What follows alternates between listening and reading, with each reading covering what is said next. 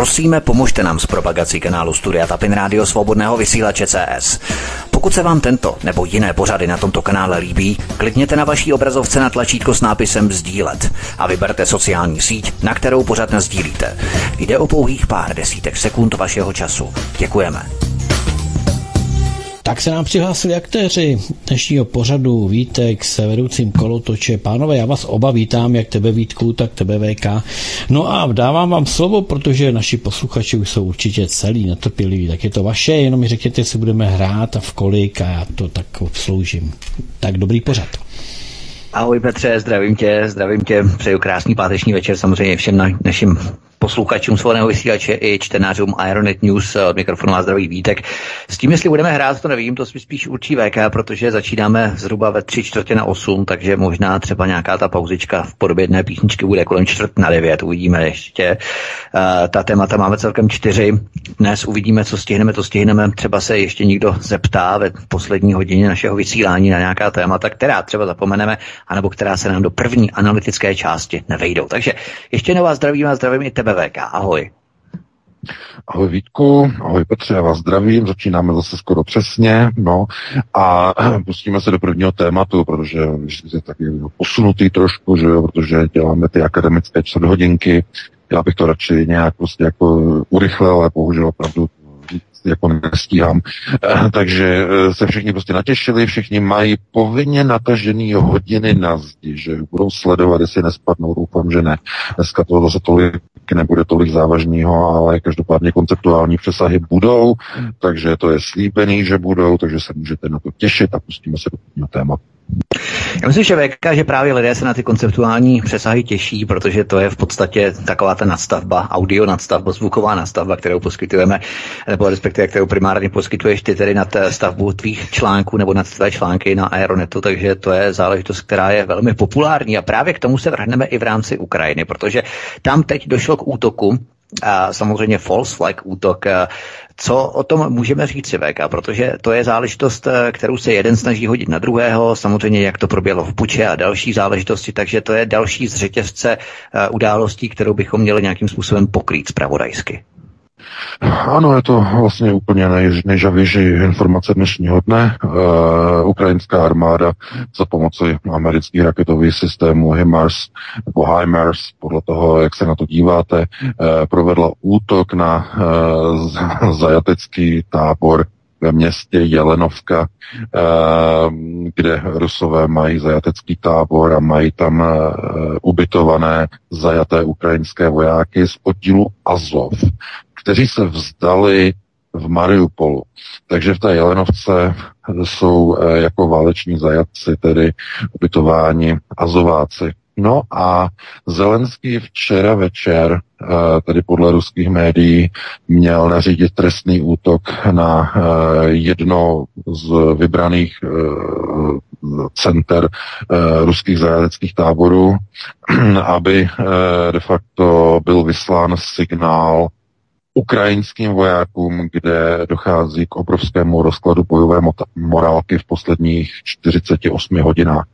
Já nevím, jestli to sledujete, co se děje e, v ukrajinské armádě posledních 48 hodin. Ono to začalo vlastně už počátkem týdne, když Zelenský vyhodil několik generálů a e, ve strachu, že mu jdou po krku i šéfa e, SBU, tedy tajné služby, je to kvůli tomu, že ukrajinská armáda se vlastně pokusila k poslednímu zedmutí úplně posledních sil, které má k zahájení protiofenzívy minulý minulý víkend eh, v sobotu eh, dole na jihu v Chersonské oblasti a včera ta ofenzíva definitivně selhala. Eh, byla nejenom odražena, ale Rusové postoupili o několik dalších kilometrů blíže ke správní oblasti, k centru Nikolájeva.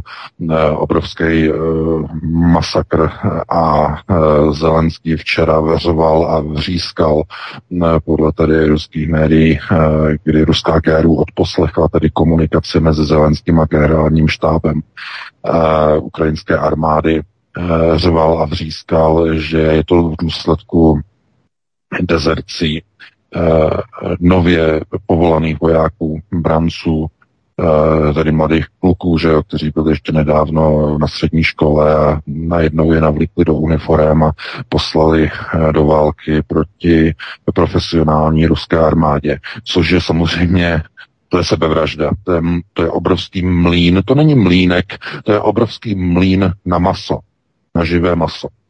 No a e, ofenzíva v Chersonu, e, tam si Zelenský představoval, že prostě ob, obsadí zpátky správní centrum Chersonu. E, on opravdu ujíždí na drogách, na pervitinu, teď nouzově už nemá kokain, jede na perníku. A e, samozřejmě začíná trpět bludy, začíná e, trpět paranojou, e, je to zřejmé, je to evidentní, no a obvinil tedy tyto mladíčky, že jo, že kvůli tomu, že odmítli tedy e, vyběhnout e, ze zákopů proti ruským hnízdům kulometným a prostě obsadit zpátky Cherson, takže za to můžou, že to je jejich chyba a že dezertovali. Eh, podle eh, ruských médií, podle RIA Novosti, jsem zrovna četl eh, včera, že se vzdali čtyři oddíly ukrajinské armády v Chersonu, nezávisle na sobě na celé linii, celkem přes 800 vojáků se vzdal v těch čtyřech skupinách.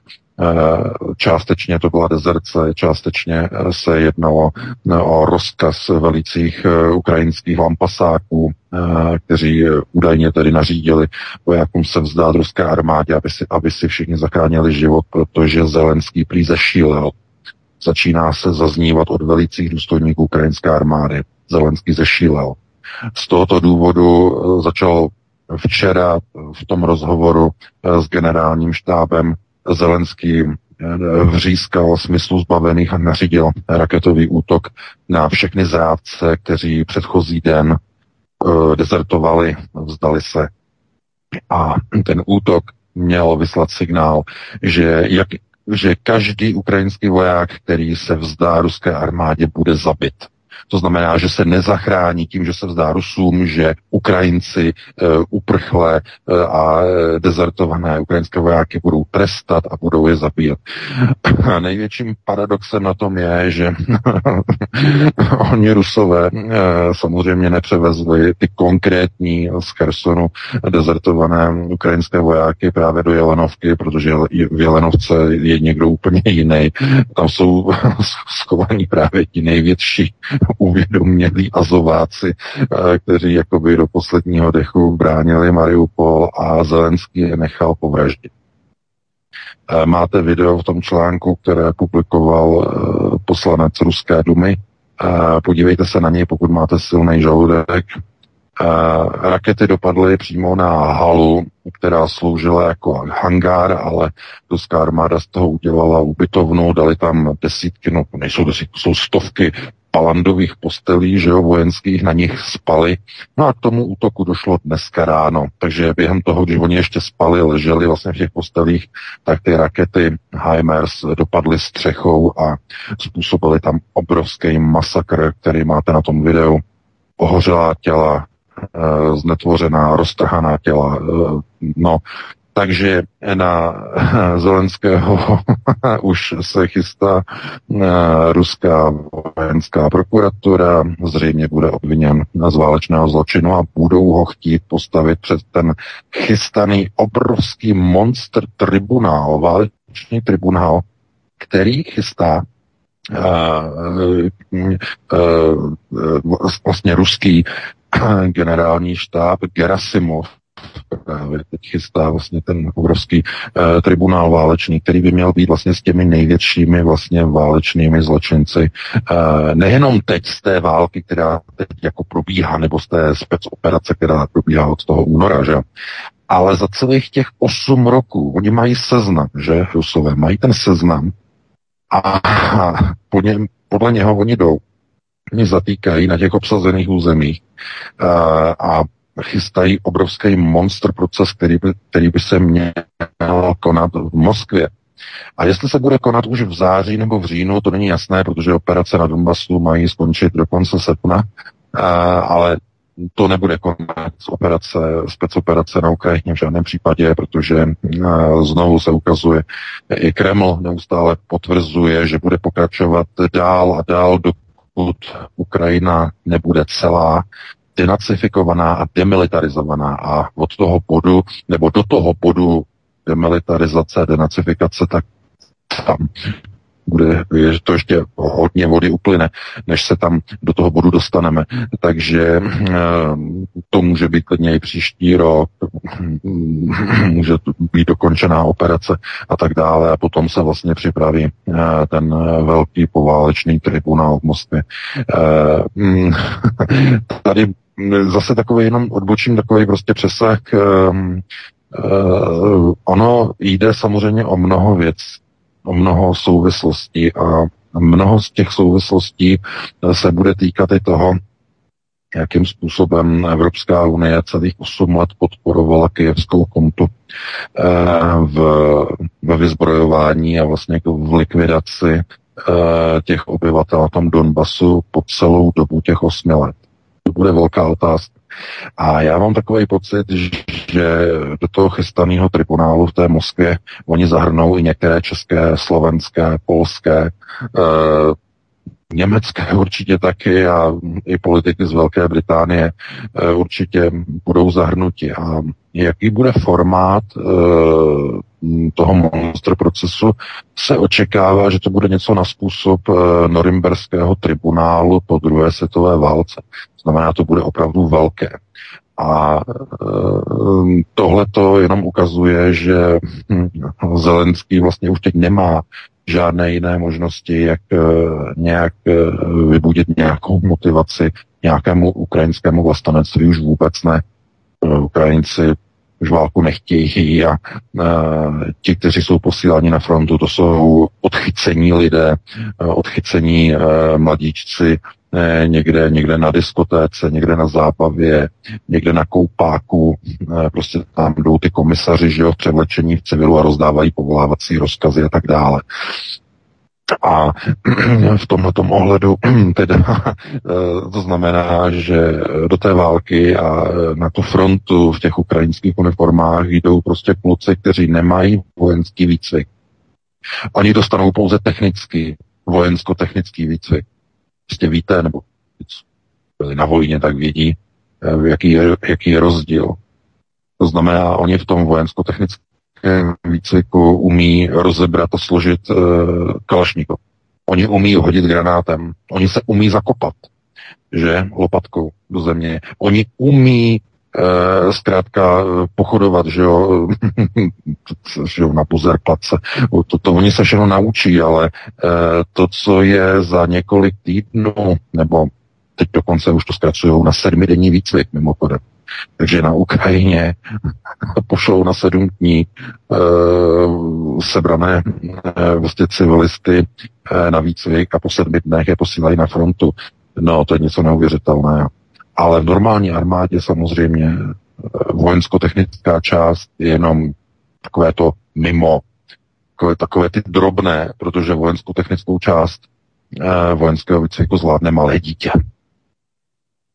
I slečna, dáma, že, eh, která chodí na vysokých podpatkách, že jo, blondýnka, že jo, krásná, v hlavě, no tak pámu někde nadělí, někde ubere, že jo, ale e, že ona přijde, ale to je schopná se naučit i blondýna. Samozřejmě. Takže e, rozebrat Kalašnikov a sestavit, že jo. To je, to je vojensko-technická záležitost, nebo hodit, že jo. Hodit nějakým prostě stylem, prostě granát. E, to je, to je technická záležitost. Ale to, co se vlastně na té vojně hlavně učí, celý ten zbytek vlastně toho vojenského výcviku, tak je naučení toho vojáka, aby se přestal pát o svůj vlastní život po obdržení rozkazu útok. Protože každý člověk uh, je samozřejmě vybaven uh, půdem sebezáchovy a úkolem vojenského výcviku je potlačit u každého vojáka, nebo respektive každého brance, který přijde, potlačit strach e, z vlastní likvidace, to znamená potlačit e, put sebezákon. To je hlavním cílem toho třeba rok nebo dokonce dva roky trvajícího vojenského výcviku. O ničem jiném ten vojenský výcvik není. To znamená, e, spousta lidí ani ne, ne, nezná, nechápe, jak funguje ta vojenská stránka toho výcvikového drillu. Že dneska, to už to nikdo neví, nezná, že e, to, že prostě když ten odvedenec přijde na tu vojnu, tak na té vojně se pořád křičí. A že jo, že jo, to, prostě to jsou, že mluvíte potichu, musíte náhlas, se hlašte, že jo, prostě lampasáci řvou jak utržení z řetězu a spousta těch vojáků to považuje za buzeraci. Jo, buzeraci. Jo, na vojně, no, no buzerace, e, dva roky vymejvárny, že jo, mm, uřvaní lampasáci, protože jsou napubřelí a tak dále a tohle to musí prostě řvát, protože se něco zvyšují, nějaký ego a podobně, ale pro boha to vůbec nefunguje. Prostě gumy, no. oni neřvou, oni neřvou kvůli tomu, eh, že by si nějak navyšovali ego, ale oni musí řvat. Když se podíváte, jak probíhají výcviky třeba námořní pěchoty, tak eh, tam se nemluví nijak jinak než řevem. To samé e, francouzská armáda nebo francouzská e, cizinecká legie. Prostě tam se nemluví normálním stylem jako hele Franto, hele Karle, takhle to uděláme. Ne, tam se prostě řve. A proč se řve? Z jakého důvodu? No, přece kvůli tomu, aby ti vojáci se soustředili na řev a zapomněli na put sebezáchod. A to je drill. Ten řev velících důstojníků má potlačit v kognitivní části mozku vojáka jeho e, strach z vlastní smrti. To je ten základ drillu. No, tohle to by měl vědět každý voják, jako každý, kdo je branec, by měl vědět, k čemu slouží ten řev. To znamená odvést pozornost toho brance tomu řevu, k těm povelům, aby e, zapomněl, aby u něho byla umenšena a zmenšena obava o vlastní smrt, když velitel, že velící důstojník řekne, proveď útok, přesuň se na tu kótu a e, krycí palbou vy ho budete chránit, že jo. E, tak že ho nepřítel střílí a vy musíte prostě v tom dešti těch střel proběhnout a obsadit tu kótu a e, přitom, když běžíte přes ten úsek té fronty, tak máte skoro 70% šanci, že to nepřežijete, že vás zastřelí. Jenže tohleto v té chvíli nesmíte vnímat, protože jinak byste nevyběhli, jinak byste nesplnili rozkaz. A ten řev slouží k tomu, že překryje tu kognitivní část spektra v mysli vojáka. Ten voják je fixovaný na řev velícího důstojníka a uposlechne rozkaz a přestane myslet na ohrožení vlastního života. Problém je v tom, že aby to fungovalo, tak ten výcvik musí být opakovaný. Součást toho, hm, oni tomu říkají potlačování e, pudu sebezáchovy, tak ten proces potlačování trvá u jedince v průměru 6 měsíců, když se daří, a když se nedaří rok, někdy i dva roky. Proto ty vojenské výcviky jsou tak dlouhé. A ve chvíli, kdy e, tohleto se neprovede, tak dostanete na frontu jalové vojáky. A to je mlín na živé lidské maso. Ti vojáci sice vypadají jako vojáci, ti vojáci sice mají uniformy, mají sice zbraně, ale ve chvíli, kdy přijde rozkaz, jsou nepoužitelné. A to momentálně teď vidíte u ukrajinské armády. To je tragédie ukrajinského národa. Téhle chvíli. Proto uh, si musíte uvědomit, že globální nepřítel nasadil do všech zemí západního světa ženské v sukních, které nikdy eh, neměly vojenský výcvik, nikdy neprošly drillem, jejich úkolem je likvidovat jednotlivé ná, eh, národní armády západních zemí. Tady v Německu jsme měli ministrní obrany, že ginekoložku Uršulu von der Leyen potom z ní udělali šéfku Evropské komise.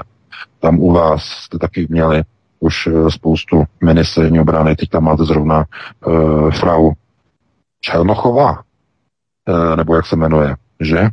No, Jana Černochová, no. No, no, no, no. Takže chápete, to je, to je, to je koncept. Před, dovedete si představit, že by ruská armáda měla ve svém čele ginekoložku? Dovedete si to představit? Nebo že by čínská armáda měla ve svém čele um, nějakou slečnou, která se třeba bavila třeba modelingem. Dovedete si to představit? Ne. Protože ve zdravých společnostech by to nikdy nebylo dovoleno, ale v těch, které jsou určeny k likvidaci komisí 300, je to vyžadováno. A najednou jsme někde úplně jinde. Najednou jsme u likvidace národních států.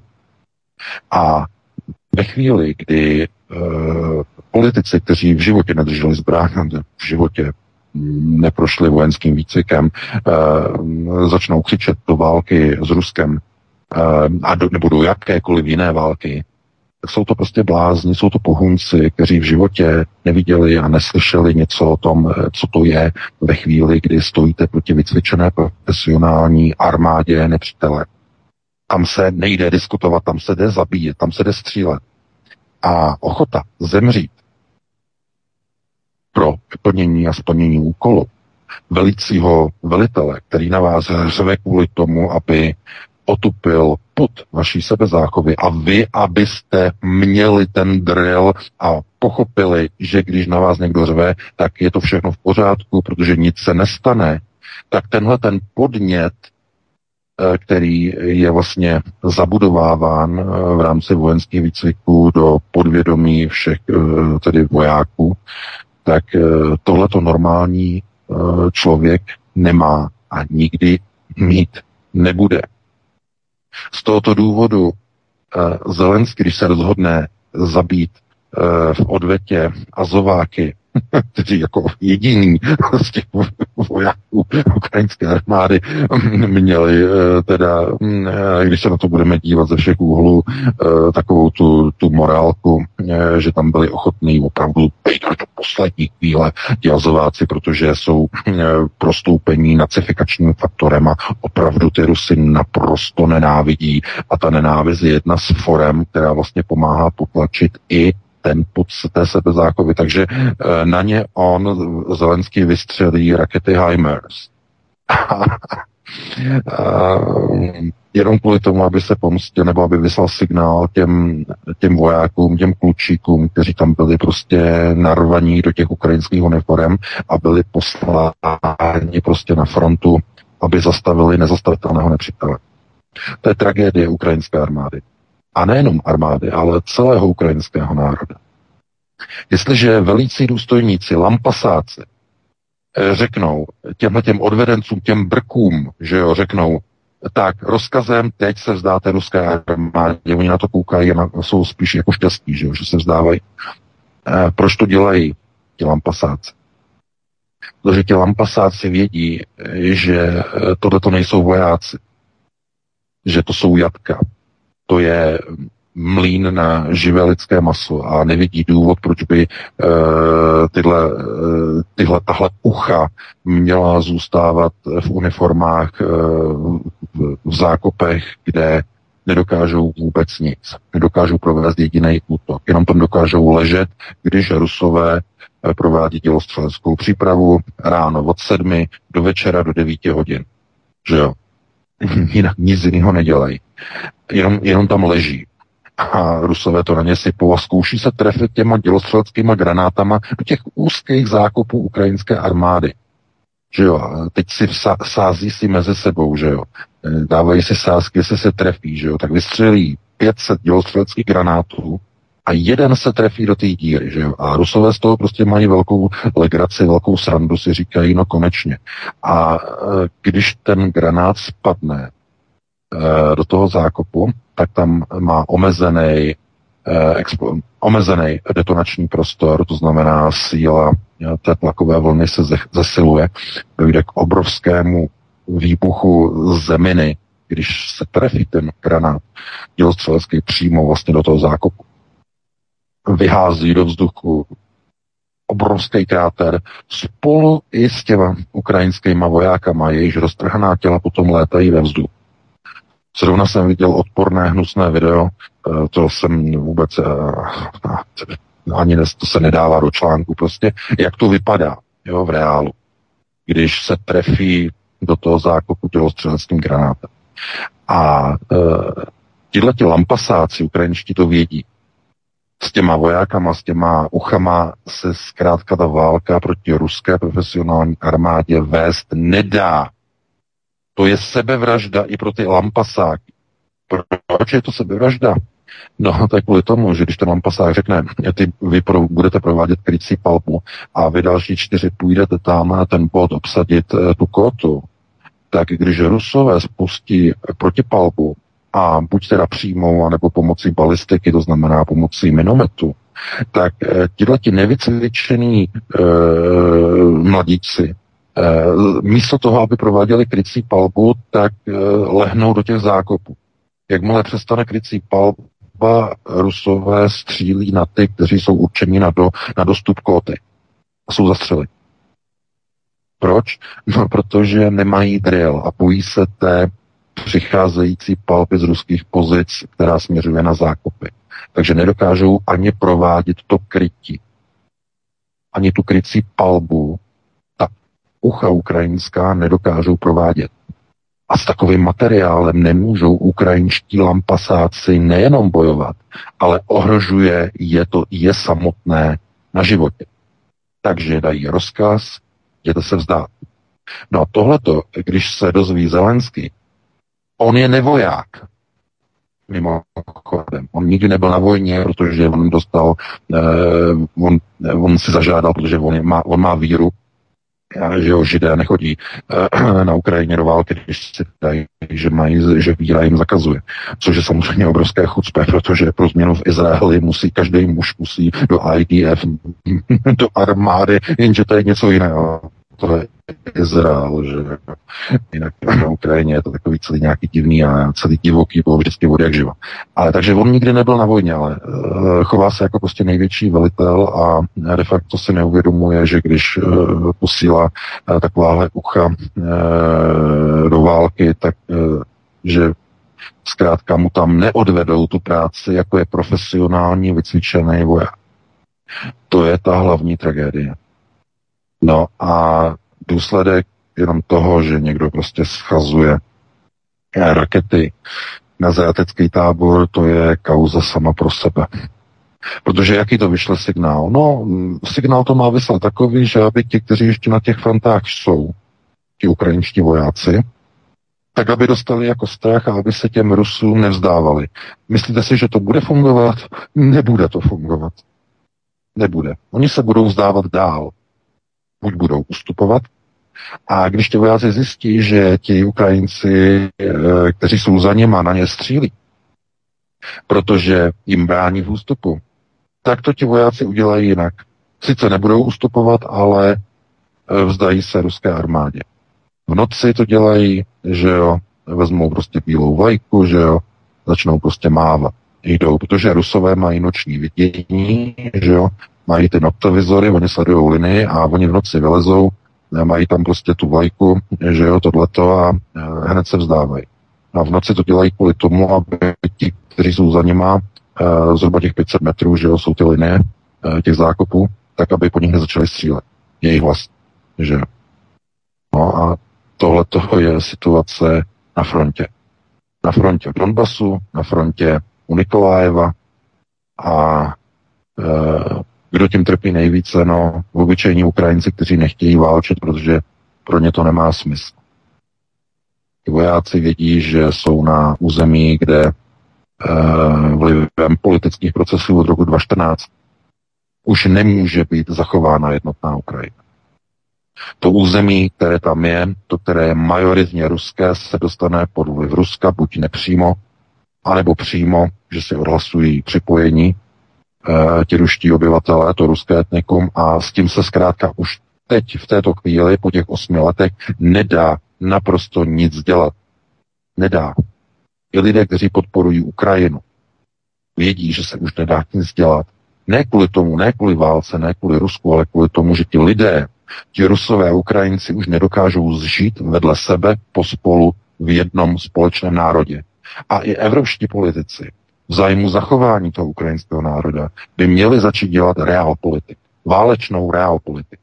Uvědomit si, že v zemi, kde si dvě etnika jdou po krku už 8 let, kde všechny procesy řízení od roku 2014 byly nastaveny na já jdu po krku tobě a protože ty jdeš po krku mě, tak já jdu zase po krku tobě. V takovém národě ty dva národy už nemůžou žít vedle sebe.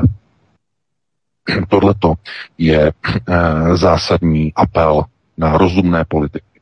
Na rozumné politiky, aby začali prosazovat rozdělení Ukrajiny a to podle principu jediného možného, podle principu etnického klíče. Podle žádného jiného principu se nedá ten problém na Ukrajině vyřešit, pakliže nechce ten západ eh, a nechce Ukrajina se dočkat toho, že Rusové nakonec skončí až u slovenských hranic v Užhorodu.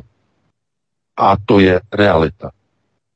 To znamená, čím dříve se začne dělat politika, reál politik, to znamená reálné politiky, toho, co je možného, toho, co není, tím dříve bude válka ukončena. Takže takhle bych ukončil dnešní první téma. Bylo to s lehkými přesahy. Dali bychom si jednu písničku nějakou vyšťavenou, že jo, nebo vymazlenou a potom bychom se pustili do dalších témat.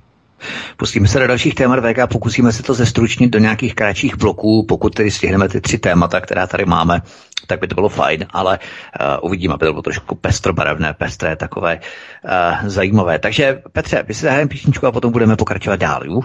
Klidně to uděláme, Vítku, i duhové, sice mi to bude trošku proti srsti, ale tak Jak my jsme byli styloví, že jo, teď, je, teď všichni chodí s těma duhama, ty akce, že jo, tak to uděláme pestry, děláme to barevný, všichni budeme prostě juchat, že jo, eh, ty průvody, že jo, ty Pride průvody, tak to, to uděláme pestrý, doufám, že nás lidi za to nezabijou, že jo, no. mimochodem, takže tam právě nastává kolize v rámci toho data, protože 13.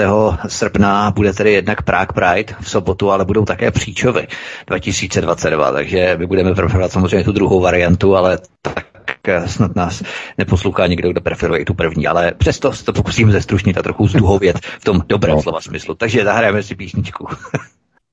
Vítku, jsme komplet? No, ano, ano. Super. že jsme komplet. Můžeme pokračovat, je to vaše. Bílý dům nahradil část živého projevu Joea Bidena CGI grafikou počítačově upraveného obličeje pro deepfake, deepfake simulace. Analýza záběrů i hlasových stop potvrzuje, že projev je sestříhaný a vyplněný sekvencí počítačově ovládané mimiky obličeje prezidenta s vyvalenýma očima, přičemž jen před několika sekundami měl oči úzké jako při pohledu do silného světla.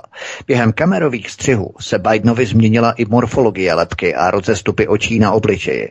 Biden už podle všeho není schopen výkonu moci a jeho projevy tak musí za něj dokončovat samotný počítač. Takže VK jednoduchá otázka, proč tam stále tohoto zoufalého Joe Bidena drží, eh, je to jednoduché, nemají lidi.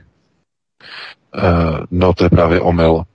To by bylo v případě, že nejsou kádry na důležité řídící pozice při budování konstrukčních procesů. Jenže v případě Spojených států jde o jaký proces? Jde o destrukci, demolici, bouracím kladivem komise 300. Takže Biden je tam přesně, úplně přesně tak, jak tam má být a nikdo lepší tam být nemůže. On je přesně v té pozici, protože když bouráte, máte bourací procesy řízení, tak co je cílem bouracích procesů řízení? Chcete něco zbourat. Co uděláte, když, se, když něco, co je funkční, a teď nemluvíme o nějaké demolici typu mám tady králíkárnu, chci tam mít eh, prasečák, tak zbourám eh, králíkárnu a eh, postavím prostě prasečák ve smyslu plánované představy. To je plánovaná představa, to je perestrojka. Tak? Případně májetě. A e, to je něco jiného. Ale když se bourají e, procesy e, v rámci destrukce funkčních systémů řízení, tak se dělá co?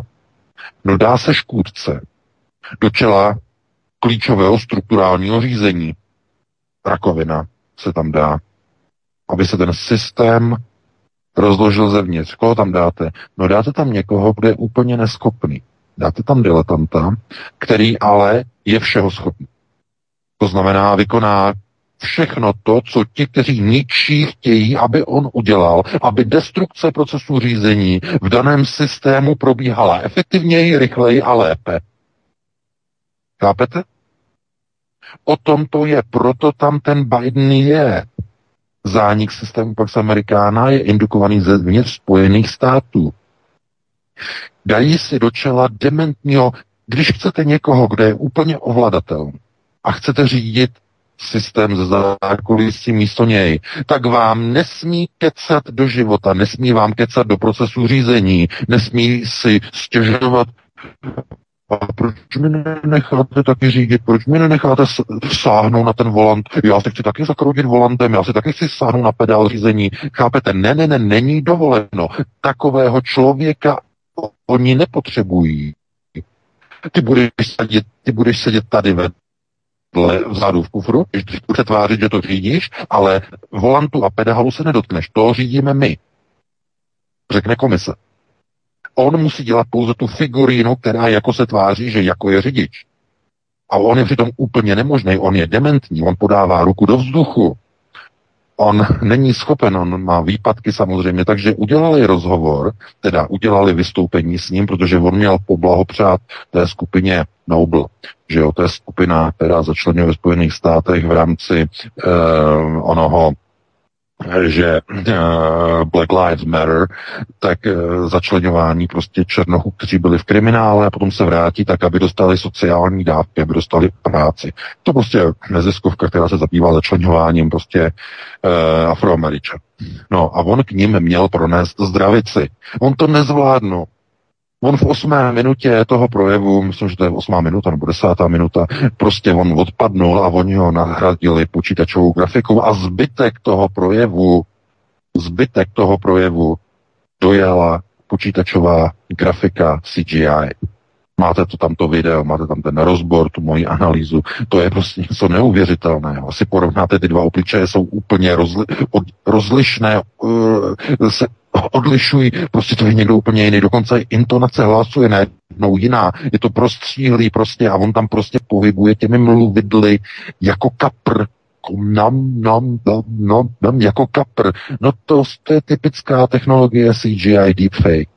Naprosto klasická. To znamená, on jim odpadnul On jim tam někde prostě se zhroutil, oni ho vezli na koronární jednotku, nebo na koronární ne, on to má s hlavou, takže na uh, tu encefalografickou, že jo, uh, aby prostě zjistili zase, co mu zase vyplo v mozku, tak mu asi museli dát zase znovu tu injekci do toho krku. Uh, takže Chápete, když porovnáte ty, dvě, eh, ty, ty fotografie toho jednoho videa dopoledne a toho druhého videa ten samý den odpoledne, to jsou úplně dva různí odlišní Bidenové s úplně jinými ksichty. Takže jedno dělá živý Biden, který je strašně zestárlý a má takový pomalý hlas a slabý hlas. A potom je tam jeho vylepšená eh, krapet omlazená kopie s vyvalenýma očima jak bulvy a e, hlásající a hřmící se silným hlasem pomalu jako, jako Adolf.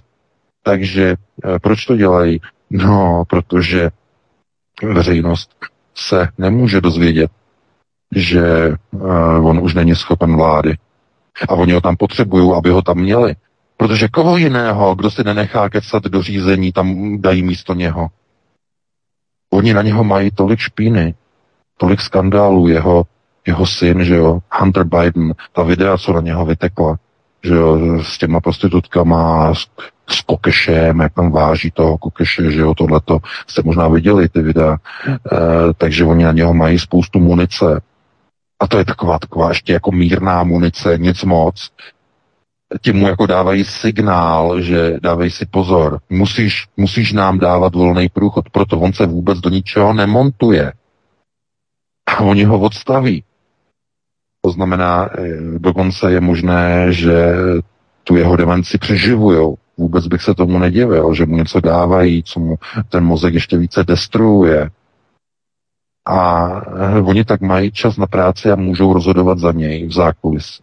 jeho poradci, Pentagon, uh, Deep State v kongresu. Za něj rozhodují. Proto při destručních procesech řízení platí, že to, co eh, je žádoucí, je, aby v tom centru řízení byl někdo, kdo je totálně neschopný a do ničeho nechce mluvit, do ničeho nechce montovat, do ničeho nechce rozhodovat. Zkrátka jenom eh, sedí, kouká a čeká, kdy mu ten řídící orgán z toho zákulisí něco řekne. Postav se, běž ke stolku, jako píšou Bidenovi na ten papírek. Úplně. Postav se, běž ke stolku. To znamená, dělají z něho co? Kontrolní otázka zombie. To není takhle vypadá zombie, že přímo na pokyn, co má dělat a tak dále. To je naprosto ideální pro Deep State. Chápete to? Uvědomujete si to? Když máte někoho, kdo je v roli prezidenta a kdo ve skutečnosti neřídí, tak kdo řídí potom systém řízení? No přece všichni ti, kteří jsou za něm. A budou ti, co jsou za něm, si přát, aby Biden odešel a tam přišel nějaký suverénní, plnoprávný, eh, jako plnohodnotný a e, svéprávný prezident, který si nenechá do ničeho kecat? To si fakt myslíte, jste tak naivní? Z tohoto důvodu oni ho musí udržet naživu i virtuálně pomocí CGI grafiky naživu a v provozu i pomocí počítačů za každou cenu. Z tohoto důvodu se to dělá. Takže nepotřebujete už ani prezidenta. Stačí, když ho eh, pomocí sfalšování voleb dostanete do funkce a od té chvíli si ze zákulisí ten stát, celou tu Ameriku řídíte sami a destruujete si ji sami přímo zevnitř. V rámci globálních procesů destrukce Pax Amerika. Takže to je globalistický proces. A co je zajímavé, že ti, kteří se podíleli na řízení vojensko-průmyslového komplexu. To znamená systémy řízení, které vycházejí především z těch systémů eh, hlavního eh, ovládání tzv. nacistických procesů po druhé světové válce, operace Paperclip a tak dále a tak dále. Takže e, ti všichni se začínají znovu přesunovat sem do Evropy. To znamená, odcházejí ze Spojených států, Spojené státy končí, systémová moc se přesune do Číny a tito pohrobci nacistů se vrací zpátky do Evropy a spolu s nimi se vrací nacifikační faktor. Do kterých zemí? No přece tam, kde všude probublává nacifikace. Do střední Evropy, do východní Evropy zejména. Takže hm, takhle bych to jenom schrnul, hm, aby jsme stihli všechny témata. Hm, já ti předávám slovo Vítku a pustíme se do dalšího. Rada Evropské unie odsouhlasila dobrovolně povinné přiškrcení odběru v plynu v celé Evropské unii o 15%. Opatření má platit nejméně půl roku od počátku srpna až do konce března 2023. Země Evropské unie mají dobrovolně snížit odběr, ale pokud to nepomůže, bude moci Rada Evropské unie dobrovolně, pardon, mandatorně nařídit plynové odstávky pro všech 27 zemí Evropské unie. Celá situace má ale dramatický vývoj. Cena plynu na burze v Amsterdamu prolomila hranici 223 eur za, jeden, za jednu megawatt hodinu. Všechno se to stalo po šokujícím oznámení Gazpromu, že německý Siemens odmítl opravit turbínu z právě odstavené druhé větve Nord Stream 1 s odkazem na sankce Evropské unie, Spojených států a Kanady proti Ruské federaci. Na burze vypukla panika. Nord Stream 1 se už do plného provozu zřejmě nevrátí. Moskva tak bude tlačit Berlín do zprovoznění politicky zablokovaného Nord Streamu 2 v co nejkratší době. A podle Bloombergu stojí německá vláda před největším ponížením ve své moderní historii. Jak jsme řekli, celé to vypadá jako šachová hra, kdy američané nechtějí Nord Stream 2 s Ruskem, ale kvůli sankcím Kanaděné tu turbínu neopraví, takže nakonec se Němci přinutí Nord Stream 2 zprovoznit a obejít uh, Ukrajinu. To je hotový majstrštěk, že? No, takový hodně, hodně nešťastný té výstřel vlastní nohy, to, to takhle to, komentátoři tady v německých médiích, co tady takhle prostě jako komentují, že to je něco úplně neuvěřitelného, ale musíte si uvědomit, že to je přece logické, to se dalo prostě čekat. Eh, jenom, je opravdu jenom debil eh, uvalí sankce, eh, o kterých ví, že ublíží jenom jemu samotnému. A myslíte si, že ti politici to nevěděli? No, někteří, eh, kteří nosí různé fialové hm, do kravaty a mají různé fialové nápady, tak možná těm to nedojde, ale e, ti konceptuálně trošku, nemusíte si o nich myslet Bůh co, ale trošku konceptuálně zdatnější politici se zkušenostmi, ti starší, vědí, co to způsobí, ale drží hubu a krok. Komise dá příkaz, že se musí zlikvidovat národní průmysl. Znovu si prosím vás uvědomte. Pamatujete si, co jsem říkal od začátku roku 2020, teda ne od začátku, ale od, od vypuknutí té covidové pandemie, eh, od někdy od toho února, března jsem říkal, že mi pořád jako nejde do hlavy. Proč najednou všichni politici jako na povel vyply své národní ekonomiky a tím zlikvidovali svá HDP. Pamatujete si na to, kolika jsem to opakoval, to nedává smysl. No proč? Destrukce západních ekonomik naprostá destrukce. Destrukční systémy, rozumíte?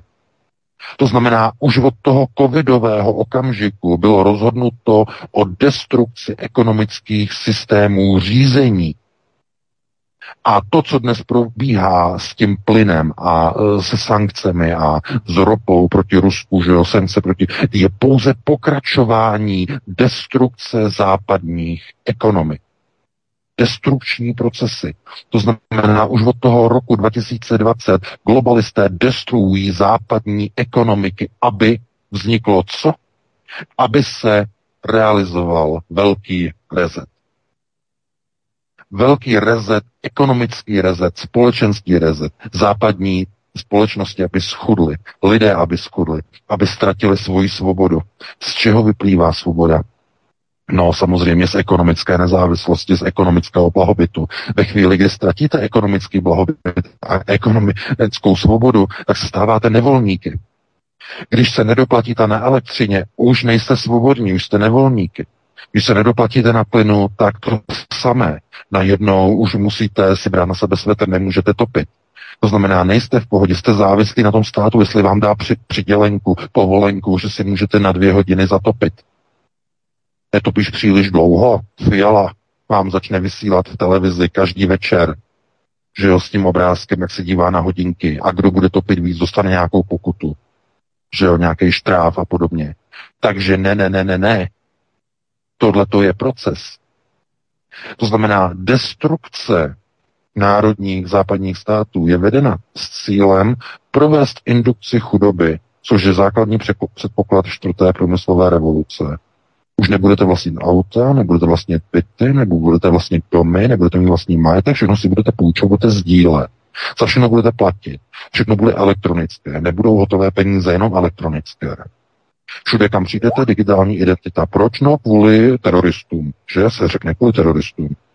Proti Rusům, že jo, a tak dále. Takže budou mít všechno pod kontrolou. A když nebudeš dobrý, seberou ti kreditní skóre. Už se nedostaneš do auta. Ono se ti neotevře. Uh, ne, nenabije se ti auto, protože nemáš dobré kreditní skóre, budeš moci být jenom doma.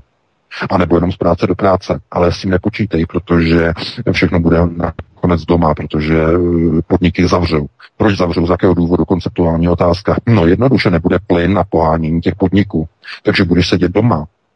Na čem? Na Kurzarbeit v prvních několika měsících a potom to skončí a bude nepodmíněný příjem. V Německu už skoro hotová realita. Mluví se o UBI, že? Nepodmíněný univerzální příjem. Ještě před rokem uh, nevýdané, nesmysl. A teď najednou realita.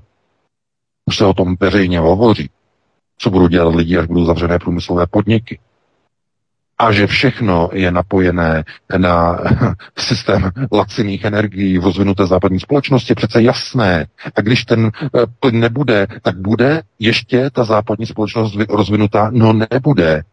A bude blahobyt mm, obyvatelstva? No nebude. Takže já doufám, že Chápete, že je to všechno součást procesu velkého rezetu. Systém globálního chudnutí. Bez chudnutí nelze velký rezet realizovat, protože lidé by byli svobodní.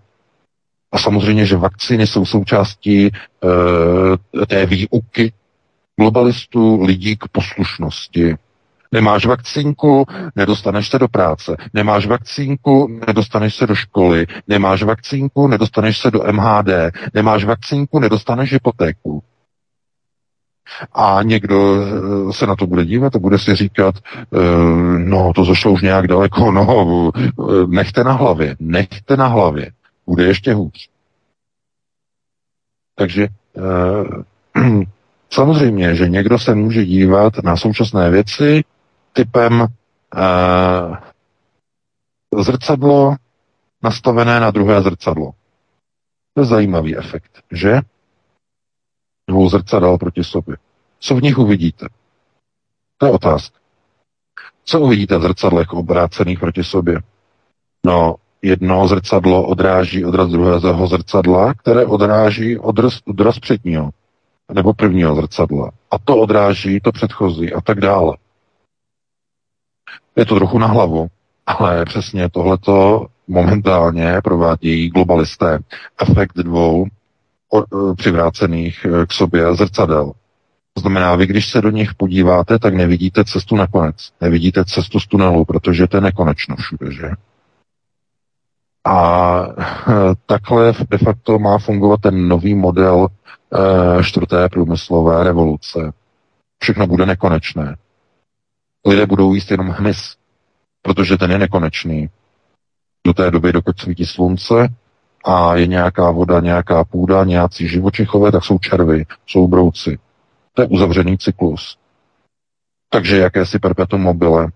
A mm, z tohoto důvodu, co není uzavřený e, cyklus? No, brouci, e, šváby a e, různé, různý červy a tak dále, to je nekonečný cyklus. Ale co prasata průmyslově chovaná? Eh, co eh, drůbež, co hovězí a tak dále. Ne, ne, ne, ne, ne. Tam jsou příliš vysoké vstupy na výrobě. A tam by nepodmíněný příjem ekonomicky nefungoval. Tam by nevycházel účetně, by to nevycházelo. Aby něco mohlo být nekonečné, musí to být prakticky zadarmo. Za něco ano, za nějaké peníze, ale skoro zadarmo. Díky teorii nekonečného růstu HDP, potom lze vytvořit společnost, která bude růst nekonečnou periodickou řadou. Díky tomu, že na vstupu bude skoro 0, 0, 0 a e, ten vstup bude samozřejmě určitým způsobem náklady, tedy můžeme říct, že náklady na vstupu na výrobu e, takto vygenerovaného jídla, tedy různého hmyzu, e, bude konvergovat k nule že? Můžeme říct. A e, to znamená, ty náklady budou skoro nula. Ne úplně, ale skoro. A v tomto prostředí de facto půjde realizovat nepodmíněný příjem UBI. To znamená univerzální základní příjem. Takhle to mají jednoduše, ale přitom e, velmi promyšleně e, jakoby dopracované až do důsledku. To znamená, ano, nepodmíněný příjem, ano, bude možné jej realizovat, ale ne se současnými produkty v produktové nabídce vašeho hypermarketu. Do toho nákupního vozíku už budou padat jiná jídla, nebo no, stejná jídla se stejnými názvy, ale s jiným složením. A ejhle, ono to chutná jinak. Trochu jinak. No jo, oni jsou tam brouci semletý, že? A mnozí lidé to ani nepoznají, protože se na to nedívají. E, víte, Eh, lidé zapomínají, že chuťové buňky zapomínají dneska, když si jdete eh, koupit nějaké něco, eh, že jo, když třeba jedete do Česka, že jo, něco si koupíte, něco, co bylo tradičního, dlouho jste to neměli a potom to sníte, si říkáte, co, co, co, co, co to má znamenat, co to je. Chápete?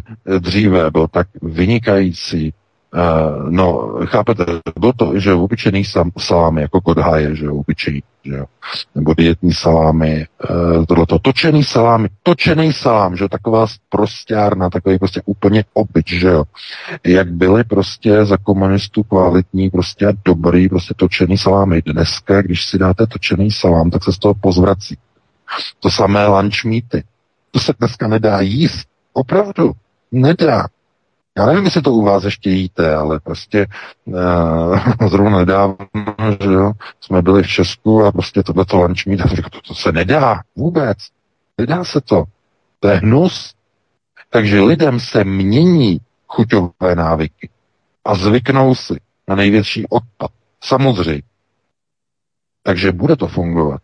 Jistě otázkou je, jak tomu budeme odporovat, kolik lidí tomu bude odporovat a kolik lidí se dokáže a bude jim umožněno zařídit se po svém.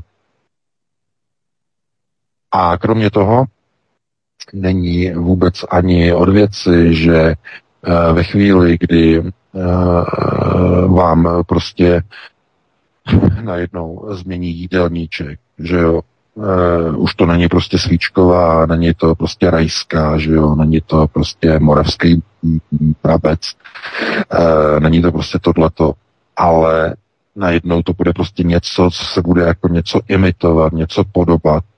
A když jim to nepůjde globalizovat, když jim to nepůjde, když budou strašně prostě naštvaný, že prostě to lidem nechutná, tak oni mezi lidi vypustí nějaký virus, který je zbaví chuťových buněk jo, chuťových buněk nebo nosových buněk, že nebudou cítit, nepoznají už chuť, prostě oni tohleto všechno oni mají. Všechno.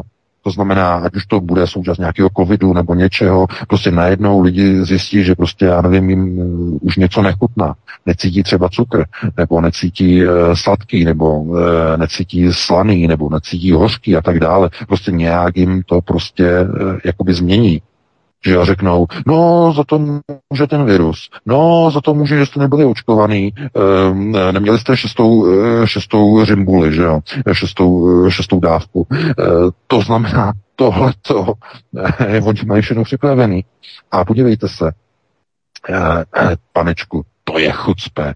Dneska z Rakouska. E, víte, co tam bude od 1. srpna? Od 1. srpna se bude muset na všechny koupaliště v Rakousku chodit v rouškách, ale pozor, pozor, pozor, pozor, to, teď to bude vymazlené. Budete muset mít tu roušku i v bazénu, i při plavání a budete si muset těch roušek vzít několik, protože jakmile z bazénu vylezete, tak e, jelikož je vodou namočená, tak už ztrácí efektivitu ta rouška a musíte honem honem si ji vyměnit za suchou. To je myšleno naprosto vážně. To je článek dneska z rakouského tisku. Takže už je to tady, už je to tady, už je to tady. Znova comeback, opatření, omezení, znovu bourla, bouchnul e, do jarmulky a řekl si Mazltov a máme to, že jo, znova jsou, naš, jsou nadšený, maximálně nadšený, protože znovu se bude omezovat. Přijde září, bum, a bude. Znovu omezení. Takže nemyslete si, oni mají hotovo na frontách, o kterých se nám ani nezdá, oni mají hotovo, oni mají připraveno. A teď otázka je jenom, jakým způsobem tam nadspou a narvou do, do těch renků ty svoje lidi, který potřebují. To znamená, aby lidi si zvykli na to, že už nemají to, co mývali. Neměli auta, eh, teda měli auta, teď už je nemají. Uh, měli dobrý život, už nemají.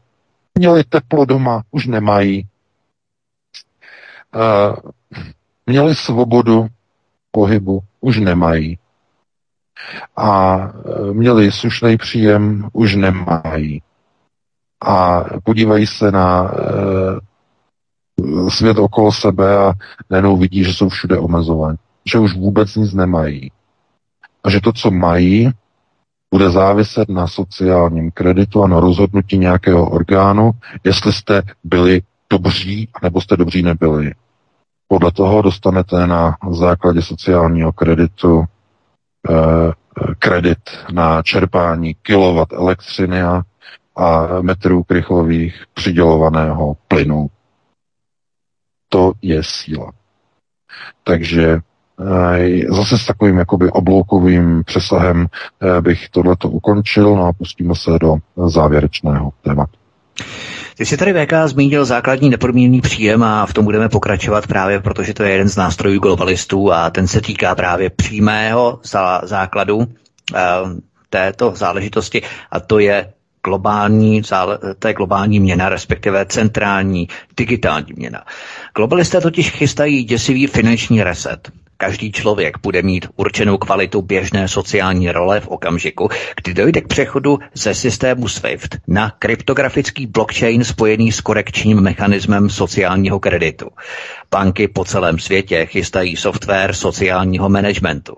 Whistleblower odhaluje přípravu bank na přechod kde k bezhotovostní touto kontrol společnosti s nepodmíněným příjmem, kde skoro každý člověk bude mít trvale zastropovaný příjem na zabránění globální inflace. To bychom si měli vysvětlit, co je základem této centralizové digitální měny, která má za cíl jenom v podstatě oddálit ten nevyhnutelný pád nad vlády finančního bankovního systému programovatelně, programovatelné měny. Možná to je to nejdůležitější asi na tom. Ano, ano, samozřejmě. Tak ten systém CSR QSM uh, de facto má lidi rozdělit do, jakých, do jakýchsi čtyř kast eh, těch veřejných a ještě té jedné eh, administratorské systém, který připravují světové banky. To znamená, ta první, to jsou eh, vlastně ti, kteří jsou jako common, to znamená běžná veřejnost, obyčejná, obyčejňáci, trtivá eh, většina lidí, potom sovereign, eh, suverénní lidi, že jo, ti prostě nebudou mít žádná kreditní omezení, Eh, další skupina je restricted, to jsou ti, kteří prostě budou mít nějaký štráfy, eh, to znamená nějaký vrouky u státu, že jo, někde něco prostě řekli, něco napsali, někde si nevzali vakcínku a hned jsou prostě špatní a mají eh, snížený strop svého, svého kreditního účtu. No a pozor, potom, že jo, ti, kteří jsou v karanténě a ti jsou na tom úplně nejhůř, že jo. Znamená tady ty systémy čtyř uh, systémů. No a odkud to pochází, odkud je to motivováno? No, samozřejmě čínský sociální kredit, tam už to funguje. Oni to pouze chtějí aplikovat do globálního modelu. Čína je globalistická laboratoř. Jedna z více, jedna z mnoha, že? Ale její hlavní, jo, můžeme říct, hlavní globální laboratoř. A e, tam, to, tam se to ověřili teď nedávno v Šanghaji že jo, tam si to vyzkoušeli, tam zavřeli lidi, že jo, a když měli hlad, tak skákali z okna. Hotovo vymalováno 20 a nikdo e, po těch, co vyskočili, ani nezhasnul. Ještě jim poslali fakturu, že není zasnuto. Nebo opravdu, nedělám si srandu. To byl ten článek, že? na Infowars, jak e, ta pozůstala dostala obrovskou fakturu, že ona vyskočila z okna, měla hlad a e, potom přišla obrovská faktura, že tam byly, bylo všechno rozsvícený. Jo. To je, to je, Chápete? Totální kontrola. A tohleto oni mají připravené na globální implementaci. A jsou lidé, kteří říkají, to není možný. To není možný ten whistleblower, eh, co na, eh, napsal ty informace, eh, že jo, na ten, na ten web, na ten Oculum, Oculum Labs. Já jsem udělal ten překlad. Eh, takže že to není možný, to je, to je hoax, to, to by lidi nikdy nedovolili, ale prosím vás, jací lidé, jací lidé, jakými lidmi chcete argumentovat?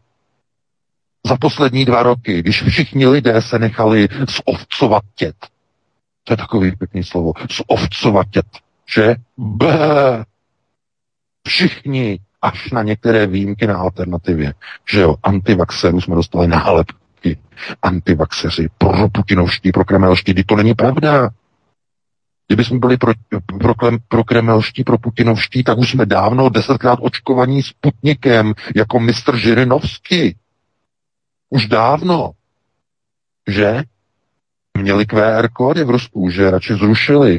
Musel Putin zrušit, protože eh, připravoval že jo, speciální operaci, tak lidi by se mu nasarali, že mají QR kódy ještě speciální operaci, takže tam to zastavili, že jo, QR kódy, ale měli QR kódy, nepouštěli je do obchodu.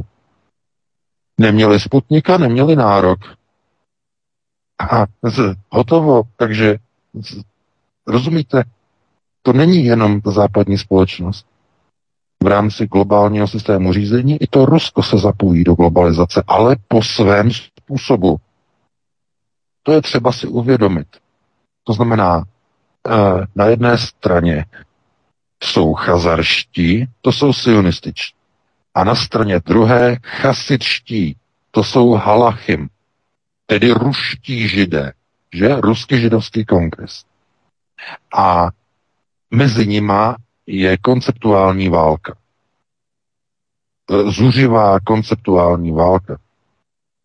Že jo, to adjektivum konceptuální je tam důležité. To není otevřená válka typu střílí na sebe z Kalašníkovů. I když, ano, v přeneseném slova smyslu právě momentálně na Ukrajině, to je právě zrovna ten příklad, když uh, chasičtí a chazarští proti sobě jdou, ale tam je to trochu s jiným přesahem. Tam, je to, tam ten přesah uh, spočívá v tom, že uh, Ruský židovský kongres začal mít obavy z Severoatlantické aliance. A proto nebylo dovoleno, aby to pokračovalo a proto Vladimir Putin dostal povolení ke speciální vojenské operaci od RŽK. Jinak by nedostal to povolení. To je třeba si uvědomit. Takže je to proces. Jsou to chasičtí a chazareští. To je důvod té války na té Ukrajině. O zájmy. Zájmy Velké Rusy. To znamená, znovu, uh, vždyť uh, svého času, že Madlenka Albright řekla, že Rusko je příliš velká země na to, aby všechny zdroje měla jenom pro sebe. To je to, to se musí vytestat někam. Si musí všichni uvědomit, to, co se jedná. E, takže je to s obrovskými uh, mohutnými přesahy dneska. Uh, jestli Vítku máš ještě nějaký dotaz, uh, pokud ne, tak bychom to uzavřeli. Uh, to, dneska to šlo hodně rychle, že to bylo čtvrté, čtvrté téma, poslední doufám. No a když ne, tak bychom si dali nějaké dvě, tři písničky. Petr by tam našel nějaký pěkný, uh, hezký český a hned no. bychom se potom pustili uh, do telefonických dotazů. No, VK, já bych měl jenom takovou malou drobnou poznámku nakonec. Eh, to bych chtěl třeba, aby se k tomu vyjádřil, protože je to zajímavé. Já totiž chystám, ale za strašně hodně dlouho, protože tady mám spoustu materiálu k překladu a různému zpracování a strukturování a tak dále, ale chystám speciál právě o historii, návaznostech o minulosti a současnosti Světového ekonomického fóra a Klause Švaba osobně i jeho rodiny, protože to je taky velmi zajímavé. Manželka Hilde, eh, děti Olivier, Nikol, a tak dále. Ale to teď není důležité. Důležité je, že jsem si tady vyjel seznamy jmén absolventů Švabovy školy a mladých globálních lídrů. Tehdy se to ještě jmenovalo, on to totiž přejmenoval v roce 2004 na mladí globální lídři, ale předtím se to jmenovalo mladí globální lídři zítřka, for tomorrow tam ještě bylo. A on to v podstatě rozjel od roku 1993.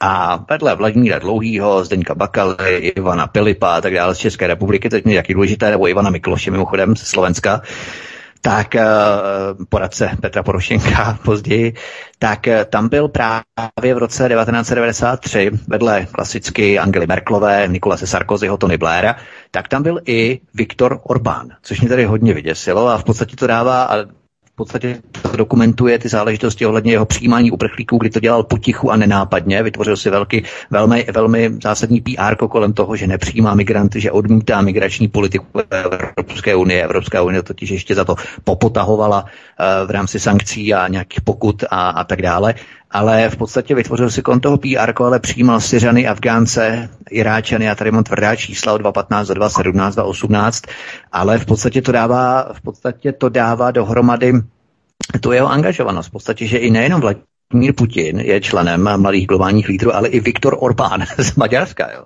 No, Takže samozřejmě, to je hodně zajímavý. To je eh, znovu, je třeba, si, je třeba si znovu uvědomit. Eh, ten konceptuální boj je o tom, že eh, Chasičtí chtějí, aby tenhle ten svět měl jednotnou vládu podle torického principu. Chazarští podle eh, tedy, ano, podle torického principu. A, chasič, a chazarští tedy pro změnu podle talmudického principu. V ničem jiném není rozdíl.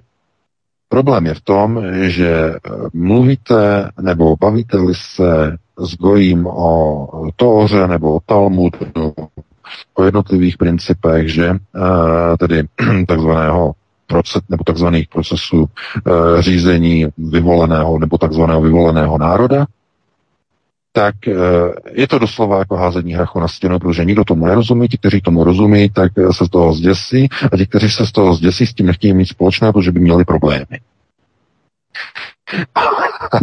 a tím je to dané.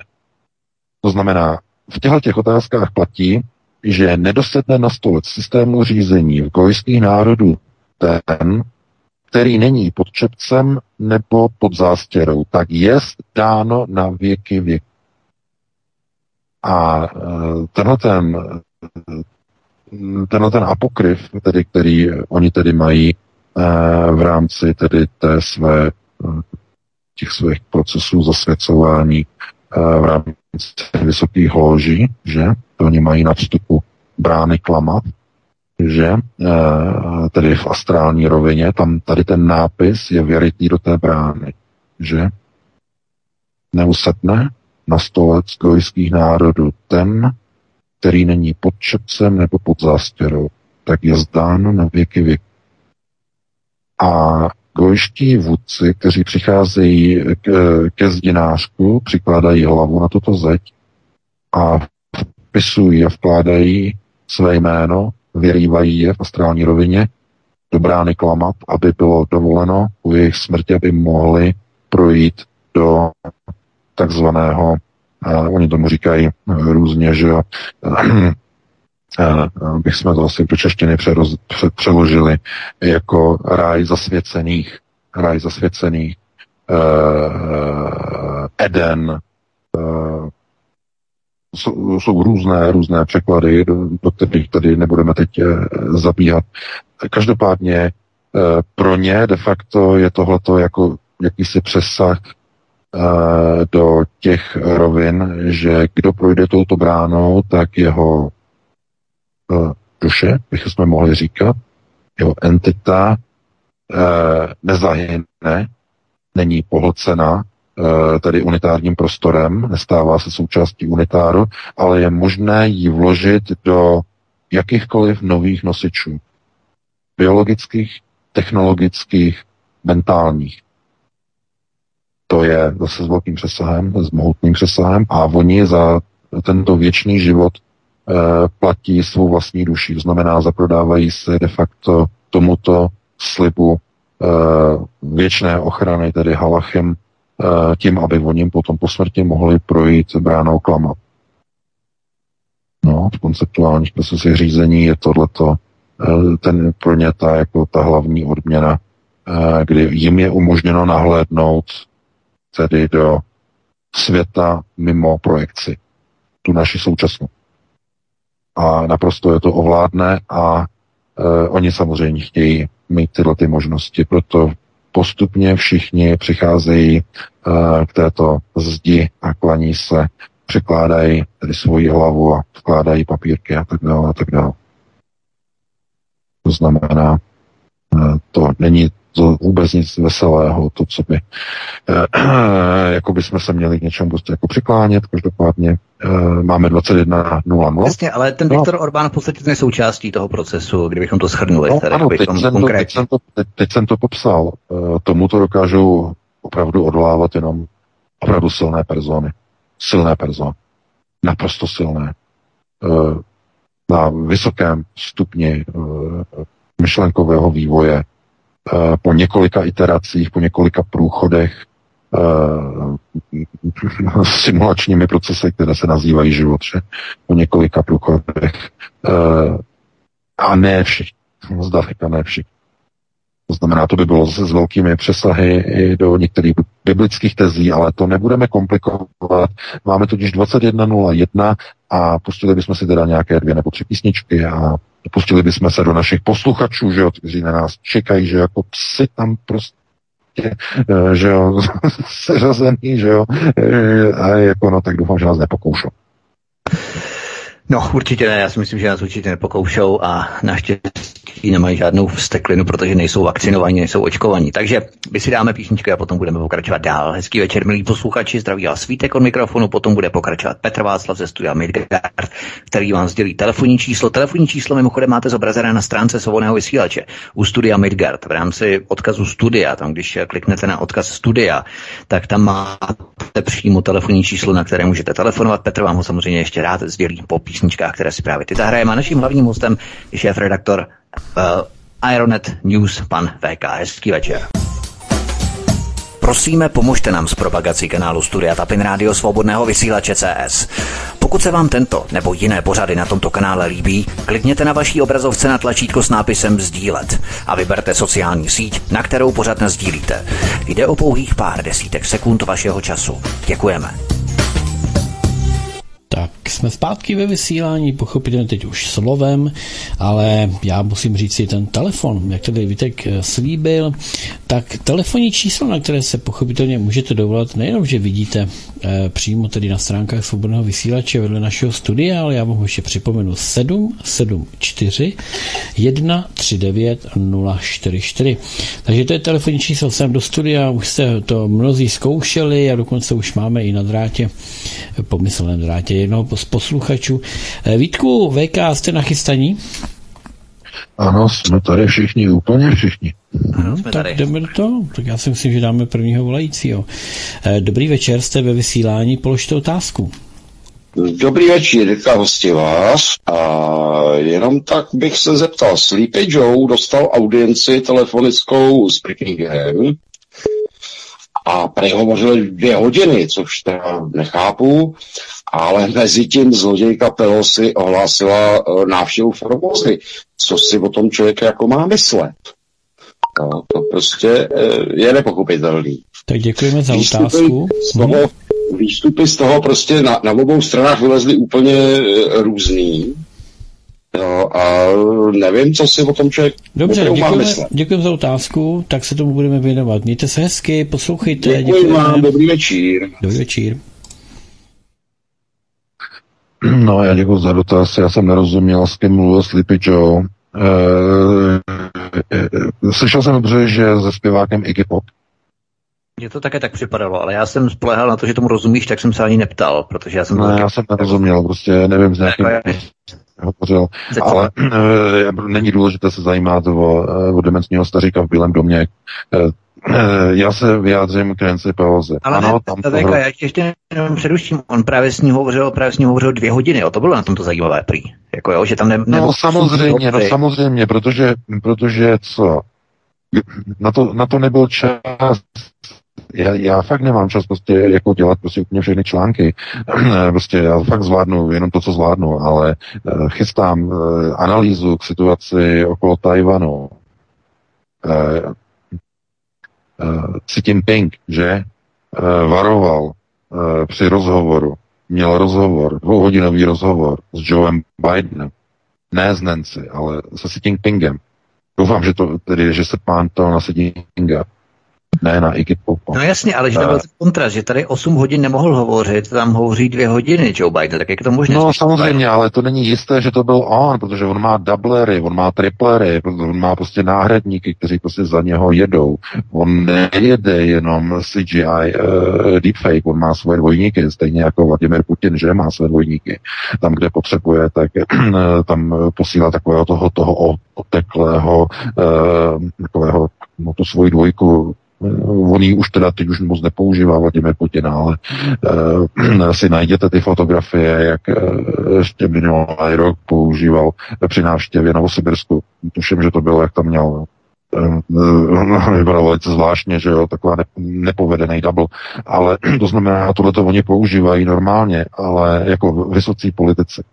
Ale co se týče Xi Jinpinga, jeho varování, tedy Bidenovi, nebo respektive Deep State, ať už je Biden kdokoliv, eh, opravdu hrozí vojenskou konfrontaci. Čína je připravena zautočit na Tajvan. A jakmile tohleto začne, Fiala okamžitě, okamžitě podle mého názoru vyzve, vyzve k nějakým procesům v České republice, podle mého názoru. Jakmile dojde k útoku Číny na Tajvan. Protože o tom už si šeptají i ptáci na, na, na, jako na střechách, protože Nancy Pelosi chce udělat provokaci, aby američané vyprovokovali Čínu k, ne k jaderné, no možná, že i jaderné, ale neočekává se, že Čína by použila jádro, ale chtějí vyprovokovat. Teď mě dobře poslouchejte. Spojené státy chtějí stejně jako vyprovokovali svým natahováním na to na Ukrajinu několik měsíců v druhé polovině loňského roku, jak vyprovokovali nakonec Rusko k invazi na Ukrajinu, to samé chtějí udělat na Tajvanu s vyprovokováním invaze Čín, Číny na Tajvan. A tím chtějí izolovat Čínu od světa stejně jako Rusko. To je ten plán. Protože Rusko už se jim, jako si myslí, když se to nepovedlo, ale oni chtějí ještě navíc izolovat Čínu. A jak se to udělá, aby světové společenství, aby tady Scholz, že jo, ten náš expert, eh, aby všichni, že jo, Macron, aby všichni prostě uvalili sankce na Čínu, už chtějí být prostě jedna ruka s Čínou, že jo, a Američany to štve, že jo, Deep State je z toho celý nemocný. Tak jak to udělat? jak Evropu donutit k uvalení likvidačních nebo absolutních maximálních sankcí na Čínu. No jedině tak, že Čína provede to samé, co provedl Vladimir Putin na Ukrajině. Že Čína provede invazi na Tajvan. A proto Nancy, šéfka Deep State, chce udělat tu provokaci. A chce navštívit jako první šéfka amerického kongresu Tajvan. Xi Jinping varoval Bidena, že na to bude reagovat, na tady tu situaci, pokud dojde této provokaci, čínská armáda bude na to ostře reagovat. Že Čína varovala, přímo se Jinping varoval, že nenechá tyto provokace bez odezvy. Nenechá. Takže američané mají plán. Chtějí rozpoutat válku na Tajvanu, chtějí uvalit sankce na Čínu a uvalení sankcí na Čínu to je konec s Evropskou unii. Protože Podívejte se dneska na všechno zboží, které kupujete, na hatrie, na, eh, na výrobu, na produkci. Made in China. Všechno made in China. Made in China. Made in China. V tom okamžiku bude Evropská unie uvržena do doby kamene sankcemi na Čínu, které se automaticky odrazí na Evropu, což je přesně plánem Komise 300 s cílem na destrukci západní civilizace. Nic jiného to není. Je to průhledné, je to průhledné jako záclony. A to, to pokud bude dovoleno, pokud ta provokace proběhne, eh, tak opravdu můžeme jenom říct, že eh, kde pámbu nenadělí, v apatice nekoupíš. To je zkrátka konceptuální gramot. Lidi, jak dneska volají a řvou pořád slava Ukrajiny, slava Ukrajiny, tak ti samí budou řvát Tajvan, Tajvan, Tajvan, Tajvan a budou mávat pro změnu vlajčkama Tajvanu jako ti největší debilové, jako ti největší idioti, jako ti největší nesvéprávní mameluci budou znovu opakovat znovu ten vlaječkový proces. Znovu, jako ovce, jako bá, že s hromovým prostě nadšením prostě se vstyčí na zadní a ovce budou mávat zase nějakou vlaječkou. Češi to mají natrénovaný, že? Za těch 40 let z těch prvních májů. Že že to se hájilo pro něco jiného, že jo? Ale, ale ten, ten grif zůstává v ruce, že jo? mávání vlajčkama, že jo. Ono to zůstává v lidech, bohužel, zůstává. Takže eh, to je jenom s takovým jako, jako přesahem eh, komentá, eh, komentátorským a pustíme se do dalšího volici. Petře Lufte, si ve vysílání máš prostor, ahoj. Takže Petr Luf zdraví všechny posluchače. Eh, zdraví pana VK, zdraví Vítka a tebe. Eh, já bych měl, můj vstup bych byl z takových dvou částí. Jedna část je takový poznatek a druhá část by byla eh, taková otázka, která ostatně už byla téměř zodpovězená. Takže ten poznatek tkví v tomhle, v téhle věci.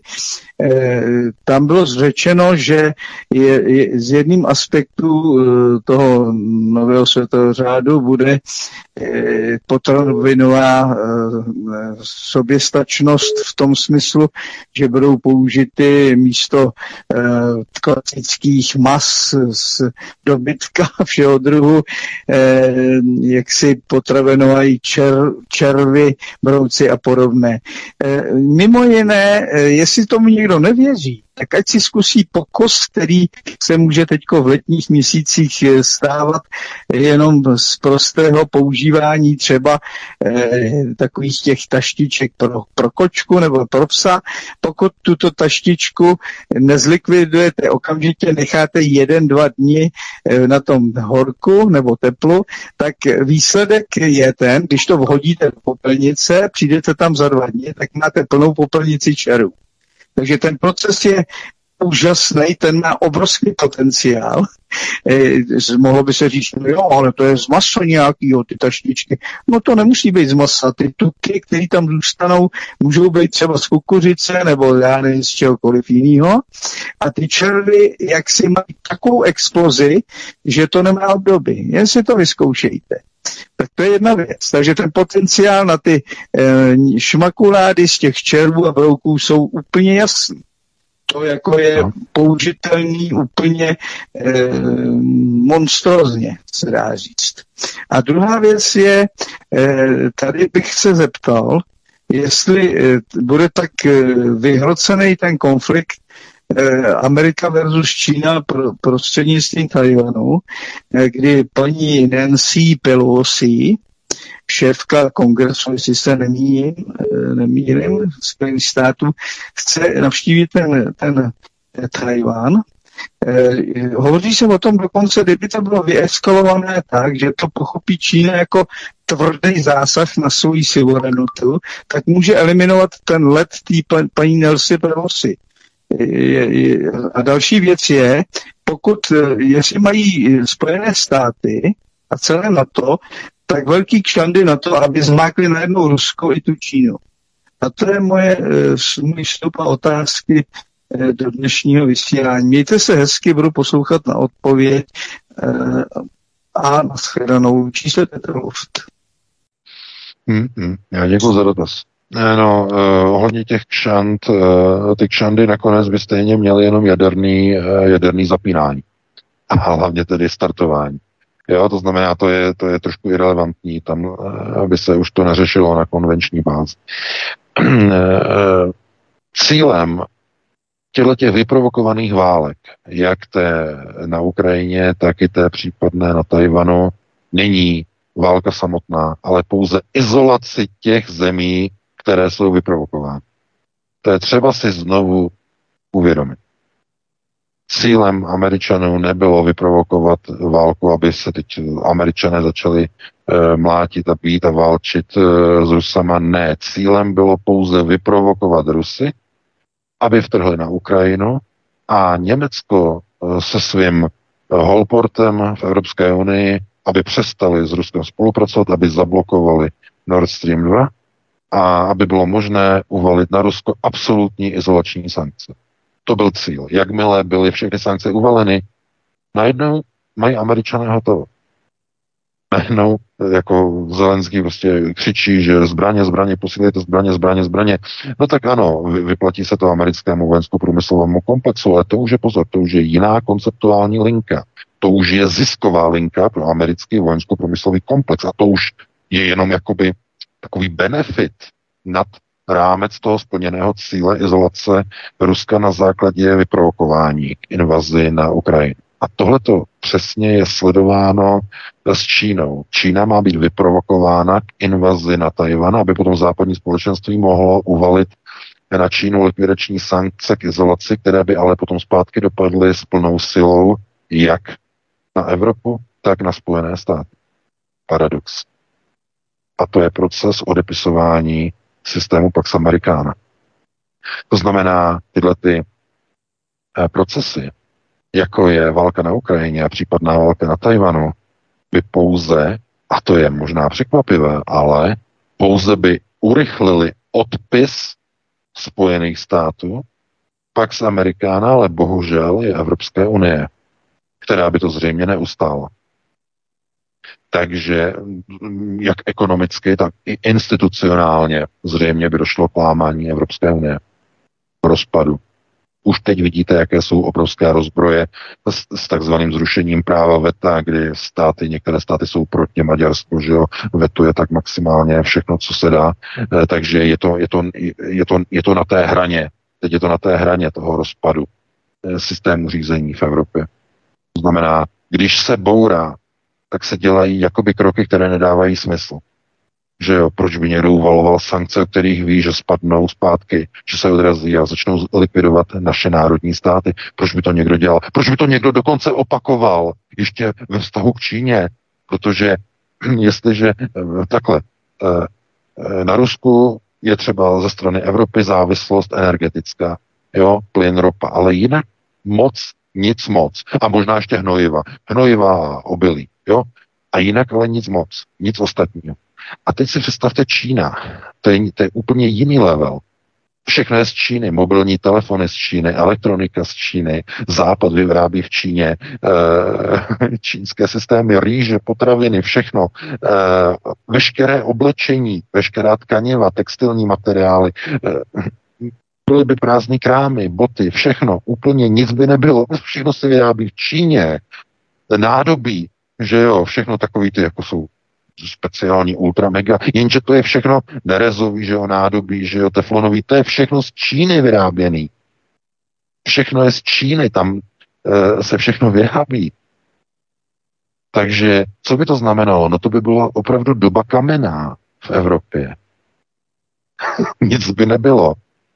Nebyl by plyn, nebyla by ropa, a ještě by nebylo oblečení, nebyla by obuv, nebylo by zboží, prázdné regály, lidé by nechodili do obchodu, protože by nebylo co koupit. No to zní fantasticky, ne? Pro všechny architekty e, rezetu a půjčování a sdílení. Budeme si půjčovat boty, budeme šérovat oblečení. Ne, Piráti začnou šérovat svetry, že jo, mezi sebou. Potom se začne šérovat spodní prádlo, že jo, všechno se bude šérovat, všechno se bude sdílet, to bude báječný, to se bude šetřit e, planeta. Bude se emitovat strašně málo CO2, když se všechno bude šérovat. To je, to je fantastický, ne? A když všechno bude elektronický, tak co, co zůstane lidem? No z lidí budou otroci. Nebudou mít nic, ale budou muset dělat všechno, co se jim řekne.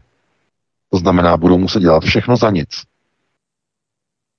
To je nejděsivější plán vůbec, který může být. A ti politici, protože jsou zaúkolovaní, budou ničit tyhle ty západní státy dál a dál. Takže Nancy neletí na ten Tajván jenom tak. Ona má úkol od globalistů, protože to samozřejmě rozbije Spojené státy. Ty jsou už teď na hraně, na pokraji. Nemají tam toaletní papír, nemají tam základní potraviny, že jo, prázdné regály. No když skončí Čína, tak stejně jako v Evropě, tam budou prázdné regály v Americe. Tam jistě můžou, tam, tam si, když sáhnete v Americe, třeba v Walmart, nebo já nevím, v Targetu, nebo jinde, sáhnete na nějaký zboží, vezmete ho do ruky a obrátíte krabičku, najdete tam Made in China. V té Americe skutečně je velmi těžké najít zboží, kde je napsáno něco jiného než Made in China. Mluvím o spotřebním průmyslovém zboží. Takže eh, to je třeba si vzít jako do úvahy, no a to je zase s velkým přesahem, takže pustíme se do dalšího volajícího. Máme posluchačku na telefonu, tak poprosím, z tebe vysílání položte otázku. Ano, ano. Dobrý večer, všechny zdravím, tady posluchačka Jarka z Krásného údolí. Já bych se chtěla zeptat pana VK, jak dlouho vydrží uh, globalistům ta světová vláda, protože podle některých proroctví by měla být časově omezená. Jestli by to mohl zodpovědět. Děkuju. Hezký večer. Taky hezký večer, zdravíme do krásného údolí. No, já děkuju. No, světová vláda globalistická, to znamená globální procesy řízení, samozřejmě mají svůj, svůj datum expirace. A to je ukotvení eh, takzvaného nového vlastnictví nad eh, tímto planetárním nosičem. Ve chvíli, kdy vlastnictví bude eh, přiznáno nad touto planetou, tedy eh, zástupcům takzvané světové vlády, která je reprezentována tedy minimálně tedy tou řídící výkonnou složkou komisí 300, a tím jejich výborem, tedy takzvaných 13 vyvolených rodin, které vlastně mají pokrevní linii Amšel a Karedem, že na jejich čele je tedy Rothschildova rodina, tak eh, ve chvíli, kdy bude toto vlastnictví ukotveno eh, tedy po krevní linii Amšela Haredem, to znamená po Abrahamovi. Tady ta planeta zřejmě bude přejmenována, zřejmě to bude uh, něco ve smyslu uh, tedy ne planety Země, Earth, uh, jakoby anglicky, ale zřejmě se použije to označení, eh, co oni jako používají, tedy jakoby eh, označení s napojením jakoby na Abrahamem, to znamená asi Abra. Abra by se měla jmenovat, tedy tady do planet. Ale to, je, jako, to, jsou, to jsou věci, které jdou jako mimo přesah. A jestli tohleto bude tedy nějakým způsobem realizováno, tak to nebude realizováno dřív, než oni získají plnou kontrolu nad všemi uh, etniky a rasami na této planetě. Plnou kontrolu. Bez uh, této plné kontroly nelze ukotvit světovou vládu. To je úplně stejné, jako kdybyste měli eh, nějak, nějaký šlechtický statek, nějaké léno, že v rámci tedy šlechtického systému. A teď byste měli podané, ale část těch podaných by byla moc mocná, to znamená, disponovali by informacemi, zbraněmi, byli by bohatí, žili by si nad poměry, přibližovali by se šlechtě. Takže co by ten panovník musel udělat? Musel by je schudnout. Musel by tu skupinu těch bílých té západní civilizace, to znamená, s ostatními oni nemají problémy, že jo, s Černochy, Aziaty nemají problém, ti se přizpůsobí. Vys Čína, jak se Číňani dokážou přizpůsobit v rámci sociálního kreditu. S tím oni nemají problém. Ale se svobodným západním, člo, západním člověkem oni mají problém. To znamená, ten člověk má nějaké ukotvení k nějaké svobodě. No, ta svoboda je definována samozřejmě z určitých principů, které byly napojené na křesťanství a e, divili byste se, kolik těch, kteří současně dneska usedají na stolec moci ve Vatikánu, litují toho, že až tak moc křesťanská církev dávala důraz na rodinu, protože to je přesně to, co jim dneska vadí. Přesně ta rodina. To by bylo s dlouhými přesahy, na to opravdu nemáme čas, to by bylo až moc zase. Uh, takže uh, ano, a globální systémy mají omezenou trvanlivost, protože globál, globalizace znamená slučování dohromady.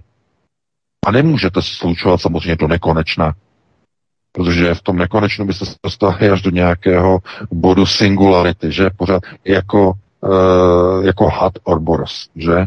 To znamená, který požírá svůj vlastní ocas, to znamená, ta smyčka se stále stahuje, stahuje, stahuje až do nějakého bodu, který by byl skoro nulový, ale ta globalizace nikdy takhle daleko nepůjde, protože je to samozřejmě vyloučené. Samozřejmě nějaké chvíli se řekne, je hotovo, je vymalováno. A taková ta malá hnutí odporu, eh, antivaxeři, eh, patrioti, libertariáni, eh, všichni ti, kteří jako budou mimo, ti se budou muset v podstatě odpojit od systému. Úplně odpojit. Jinak budou vynulováni, vymazáni. No a to by bylo na jinou diskuzi, na to teď nemáme čas, takže se pustíme do dalšího policie. Tak jste se dočkal, jste ve vysílání, položte otázku, dobrý večer. E, dobrý večer, prajem poslúchať do Slovenska. Priznám sa, že vás počúvam prvýkrát naživo, ale som vašim posluchačom asi pol roka a našej alternatívy slovenskej minimálne 10 rokov. E, na pána Veka mám e, dve otázočky. Prvýkrát, prvá otázočka, chcel by som sa opýtať,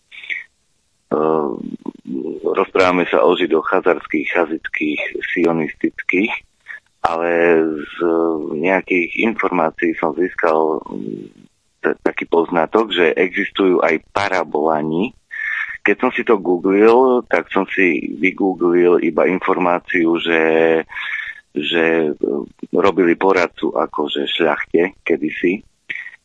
Údajne vraj prepísali Bibliu. Uh, moja druhá, či má nejaký poznatok a vedel by mi to nejako približiť, lebo fakt nedopatrol som sa k ničomu. Druhá otázočka je na, či pozná, alebo vie nejako nám obširnejšie povedať, uh, autora Jan van Helsing, ktorý napísal mimo iných aj knihu Môj uh, otec bol Megan Blight, hej, muž v čiernom, uh, spolu s nemeckým slobodomurárom Menconom, že to napísal. Dobre, ďakujem, nebudem viacej zdržiavať. Rád vás počúvam. Pekný večer.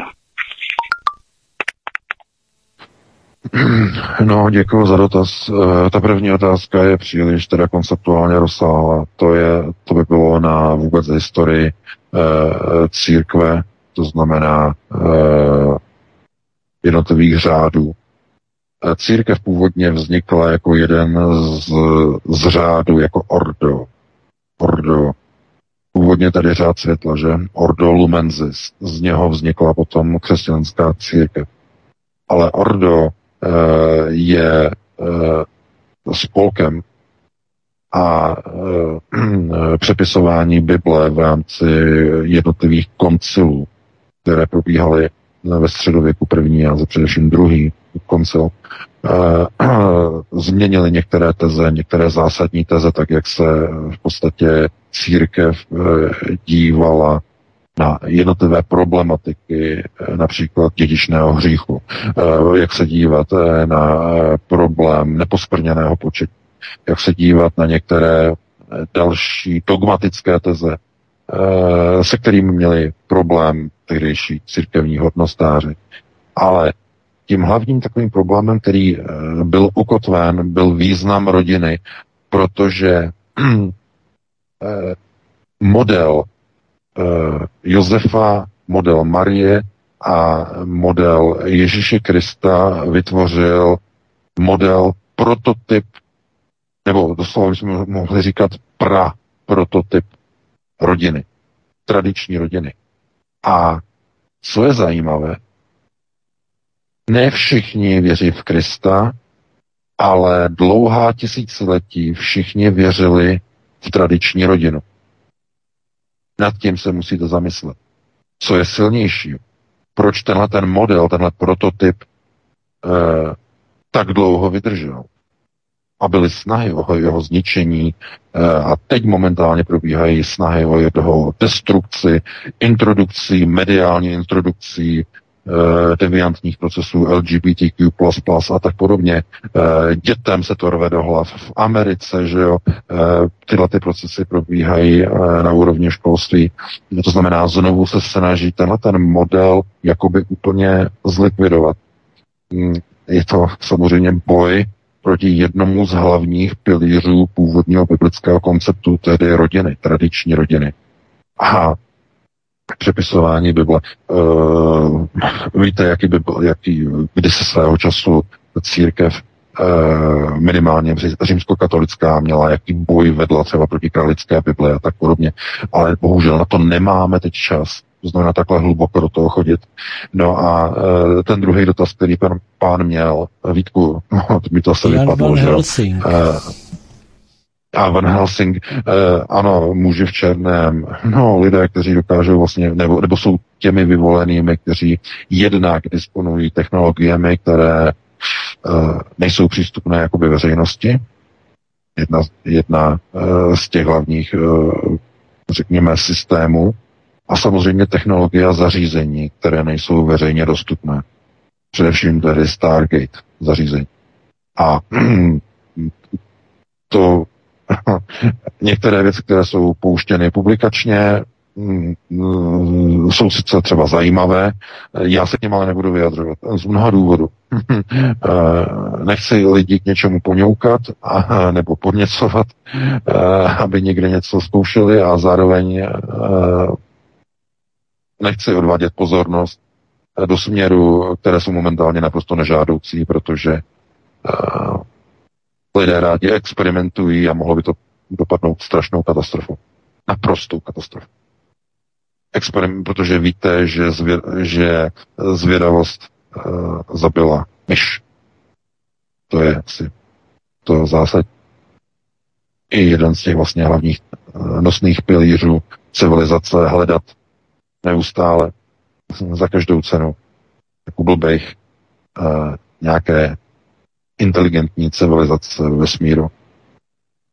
Když to je proces, který je asi takový, jako hodit se svíčkou v muničním skladu a hledat největší bombu. Takže asi takhle bych na to reagoval a um, pustíme se pro dalšího volajícího.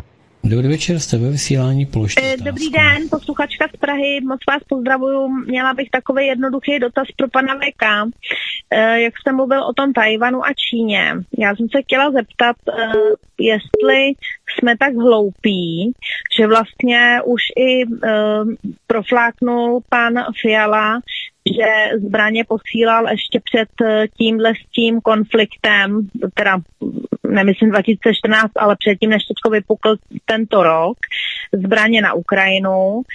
A opět jako takzvaní v uvozovkách pionýři už opět poňoukáme proti sobě Čínu tím, že jeli na taj, do Tajvanu a i Tajvan pozvali do Prahy. Tak jestli to je jenom naše hloupost, anebo jestli to je takhle řízený, že ty Čechy mají vlastně jako prvotní nějakou prvotní eh, Pozici uh, vystartovat. pozici, ano, jako- pozici a že to je pra, jako schválně dělaný, aby ty šli takhle dopředu. To je jedna otázka. A pak druhá, slyšela jsem, že je proroctví nějaký, že už ještě v létě by už mělo být, nebo mělo začít zatopení Spojených států. Tak kdybyste mi byl na, na to tak No, laskav já a děkuji. odpověděl. Děkuji moc krát, mějte se hezky, budu Já, poslouchat. já děkuju. Hm? Zdravíme do Já Prahy. děkuju, za, Večer. já děkuju za dotaz. No, zatopení Spojených států, eh, to asi teď eh, momentálně nebudeme teď řešit. Eh, Teď budeme řešit především, no ano, samozřejmě, no tak pokud dopadnou ruské nukleární bomby přímo na kavernu, že přímo na San Andreas, tak bude po Spojených státech. to je naprosto jisté. Ale to už bychom asi tady nikdo nebyl a nikdo by to už nekomentoval v takových chvíli. Eh, ale co se týče onoho Tajvanu, eh, pozor, to je to je proces, eh, to je proces takzvaného, já ty, nebudu to znít zrovna dvakrát příjemně, ale, ale ano, tak se tomu říká, že jo, anální alpinismus české vlády. Hlouběji, lépe, intenzivněji, až po polobotky. To znamená, když američané chtějí vyprovokovat mm, skrze huj, huj, hurá, hurá, Tajvan, Tajvan, že jo, Miloš Vystrčil, že jo, když byl na Tajvanu, eh, způsobil zničení, zlikvidování dobrých obchodních vztahů s Čínou, že? které se budovaly Bůh jak dlouho. No, tak oni to chtějí teď ještě pro, jako prohloubit. To znamená, budou, když američané jdou proti Číně a chtějí vyprovokovat Tajvan, tak přece fialová vláda nemůže být pozadu. Neexistuje. Oni musí být papeštější než papež, američtější než američani. Tak to vždycky, vždycky to tak přece bylo. Já nevím, kde se tohle to bere v těch lidech, ale pozor, uh, že paní se ptala, jestli je to hlouposti, že jsme tak hloupí a tak dále a tak dále. To není z hlouposti, oni pouze dělají tu práci k, uh, uh, svých nadřízených. To znamená, oni mají nějaký úkol, oni mají destrukční úkol, destrukční proces. A ten americký proces je přesně ten, který oni provádějí. Oni uval, pod americkým procesem oni uvalí sankce na Rusko, které se jako bumerang odrazí a teď ničí české domácnosti. Exekutoři už si mnou ruce v České republice, jak eh, budou narůstat exekuce kvůli nezaplaceným fakturám za plyn, za energie. Lidé bez eh, pod mosty, že jo? A piráti budou lidi pod mosty, eh, budou objíždět a budou, je, bude, budou jim rozdávat svetry. Budou říkat, musíte proti tomu Putinovi vydržet, společně to dáme, přišli jste o všechno, ale společně to dáme. To bych nedoporučoval, protože potom by Piráti dostali před zubu, že jo, od těch lidí nasraných pod těma mostama, ale oni jsou toho schopní. rozumíte, pozor, pokud jsou procesy řízení nastavené tak, že jsou v destrukčním režimu, to znamená, není to konstrukční proces, je to destrukční proces západních vyspělých států, tak jsou do čela nasunováni diletanti, kteří jsou všeho schopní. Cokoliv jim řekne americký generál, eh, nebo americký velitel, americký ataše, oni provedou, ale s vyskočením řeknou, ano, provedeme, jak vysoko, jak daleko máme skočit, to znamená s iniciativou, ještě více než američané. Když američané dodají na Ukrajinu čtyři tanky, Češi musí dodat osm minimálně. Když američani dodají na Tajván nějakou humanitární pomoc, nebo já nevím, tam přijede e, někdo, e, tak e, oni tam prostě pošlou vysokého politika. Když tam přijede Nancy Pelosi, tak jakmile budou volby a bude zvolen nový prezident, tak oni tam pošlou rovnou prezidenta českého. To znamená, to je všechno připravené. Takže to není hloupost, to je pouze destrukční proces, kdy diletanti se všeho schopnými procesy dělají destrukci národních procesů řízení, protože, protože výsledkem těchto procesů bude likvidace národního průmyslu, evropského průmyslu. Sankce uvalené na Čínu se odrazí takovým způsobem proti českým domácnostem eh, desetkrát, dvacetkrát, stokrát tolik, než ty sankce uvalené na Rusko. Protože znovu to opakuju. Zatímco Evropa je navázána na Rusko jenom surovinově, tak eh, na tu Čínu je Evropa navázaná produktově, koncovým zbožím. A to je úplně jiná liga, to už se bavíme o takových věcech, eh, jako opravdu jsou uh, výrobky denní spotřeby. všechno to, co se vlastně používá, na co se všechno podíváte, například takové obyčejné věci, jako jako třeba kabely, veškeré typy kabelů, počítačům, mobilům, všechno, co je na elektriku kabely, všechny kabely se vyrábějí v Shenzhenu. Všechny jsou made in China.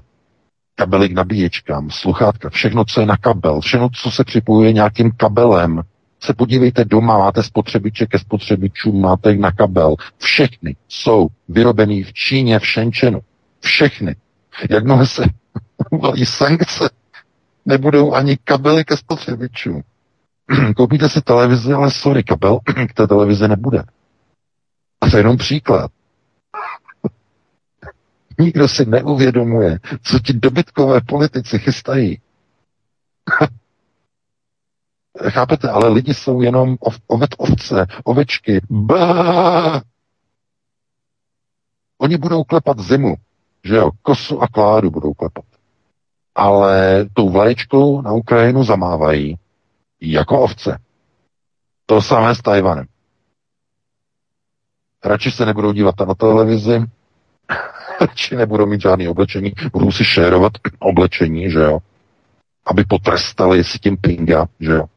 A, jenom to je trošku takové jako, jako, takové trošku popíchnutí.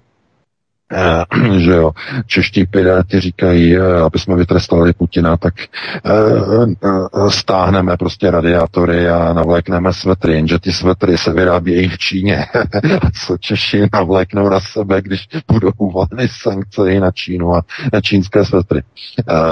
To je jenom takové to chucpe takové to macaté na bubřele, že jo, s takovým protrženým deštníkem, nás se cedníkem proti drahotě, že jo.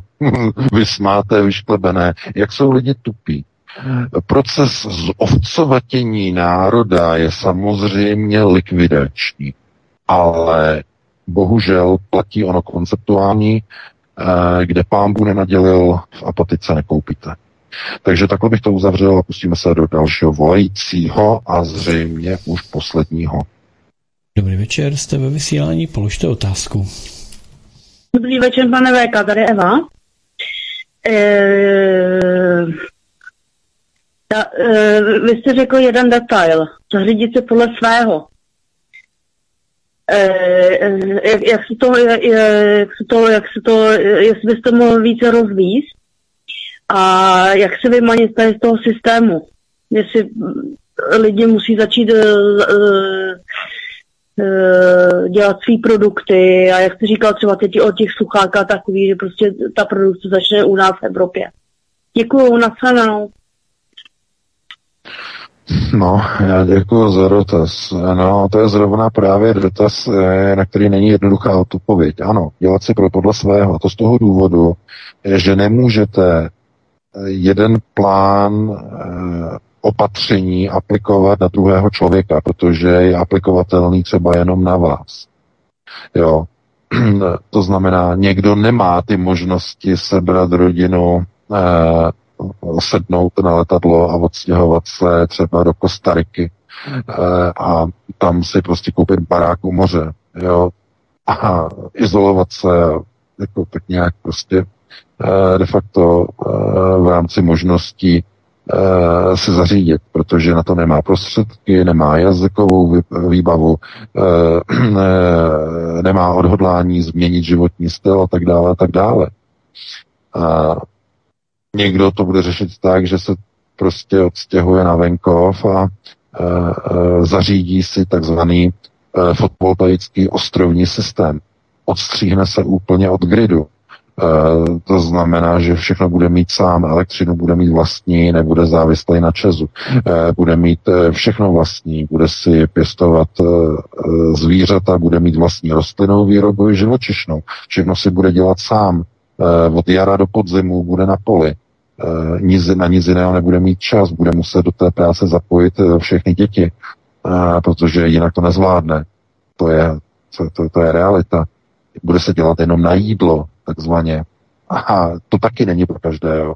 Ne každý eh, chce mít svoji budoucnost v tom, že skončí na farmě a do konce života bude dřít na poli byl jeden z důvodů, proč uh, skončila agrikulturní nebo agrokulturní uh, společnost uh, na konci, nebo ne na konci, to už bylo mnohem dřív, bylo v polovině 19. století začátek průmyslové revoluce v Evropě, že konec agrokulturní společnosti v celé Evropě kvůli tomu, že lidé už nechtěli prostě na tom poli, chtěli mít lepší život, to znamená, to jsou ne každý prostě chce uh, mít prostě pět nebo sedm dětí, aby uh, prostě do konce života pracovali na tom poli a aby prostě sklízeli opilí a tak dále a tak dále.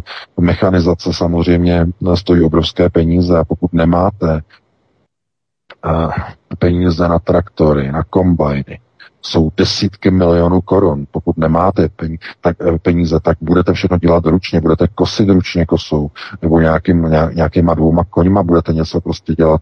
Nikdo si nepředstavuje, co to znamená hospodařit. Prostě na venkově nikdo v životě, kdo, kdo to nezavadil, netuší, jaká je to dřina. To znamená, ty rady, jak se osamostatnit v rámci tzv. velkého rezetu, to znamená nebýt závislý na gridu, na systému Eh, to je, to je strašně komplikované. Každý mm, konceptuálně gramotný člověk musí už sám vědět, jak se zařídí. Musí sám vědět. To znamená, e, má nějaký styl, nějaký způsob podnikání, který se pokusí udělat tak, aby byl takzvaně udržitelný, to znamená, aby mu nemohli nějací prostě ekologové říct, máš to neekologicky, tak to musíš vypnout. Musí uh, mít uh, nastavení třeba tak, že uh, bude tedy, nebo se rozhodne, že nemůže už být třeba v té České republice nebo v té Evropě, že už nemůže být a odstěhuje se třeba do Střední nebo do Jižní Ameriky. A začne hospodařit třeba v Argentíně.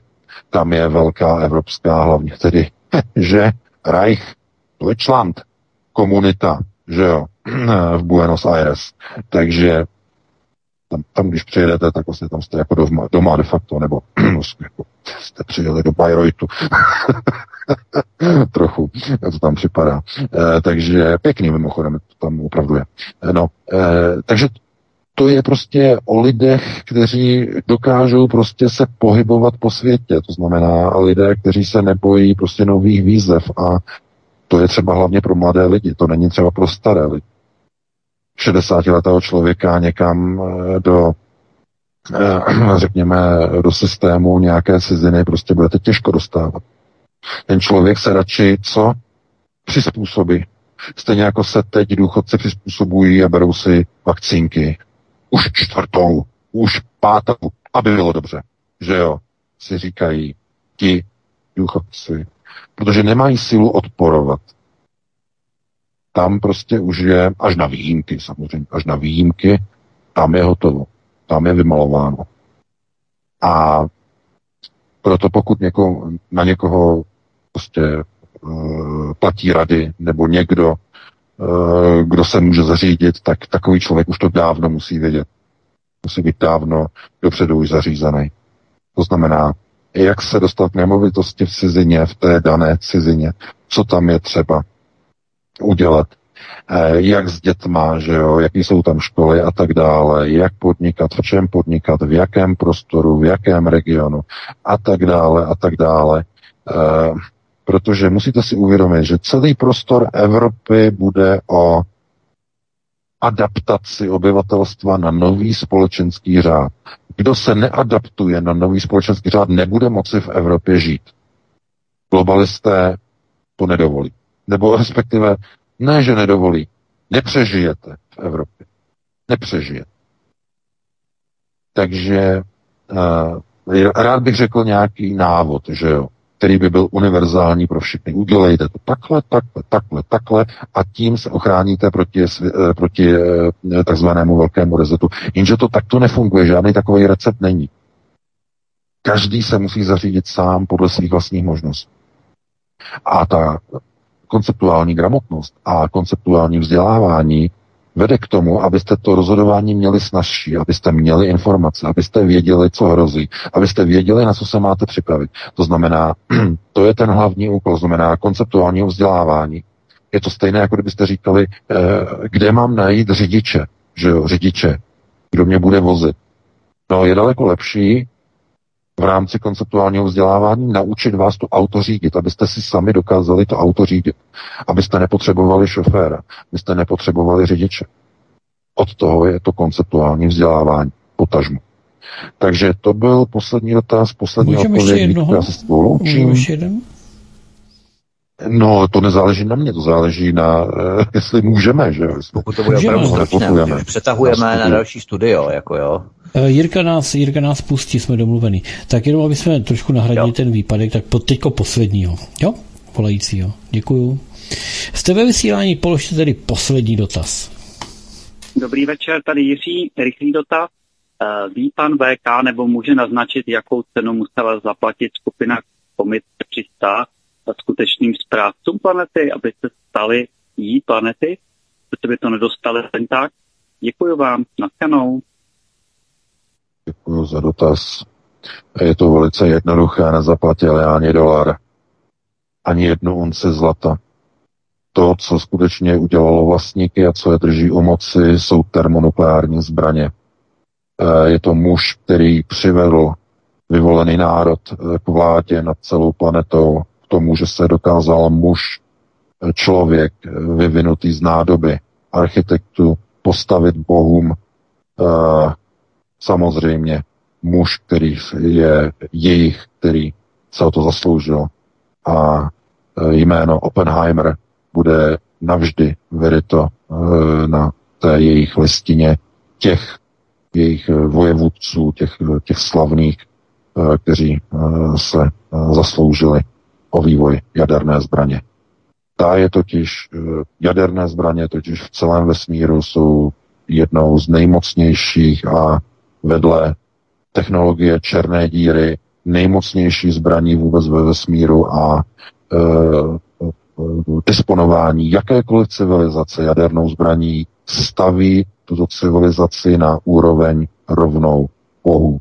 Proto po vynálezu a po objevení jaderných zbraní se začaly objevovat UFO e, v tak obrovské míře nad naší planetou nad spojenými státy především, protože lidstvo na sebe upozornilo vlastnictvím jaderných zbraní eh, se civilizace, tedy vyvolený národ správců Progos, eh, dostal do pozice eh, už ne správců, ale těch, kteří mají nárok na vlastnictví planety.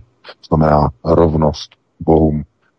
To je ten hlavní model, ten systém toho řízení, kterého jsme momentálně svědky a Jenom teď v podstatě vidíme jakousi závěrečnou seanci, to znamená jakousi endgame, jakousi šachovou koncovku, kdy tito tedy stělesnění zástupci tedy onoho vyvoleného národa, že se budou snažit tedy ukotvit světovou vládu takovými způsoby, aby, získali kontrolu nad všemi ostatními národy.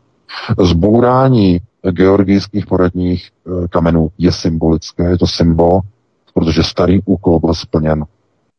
To znamená, není to už teď o snížení populace na 500 milionů, ten plán je zastaralý, je starý.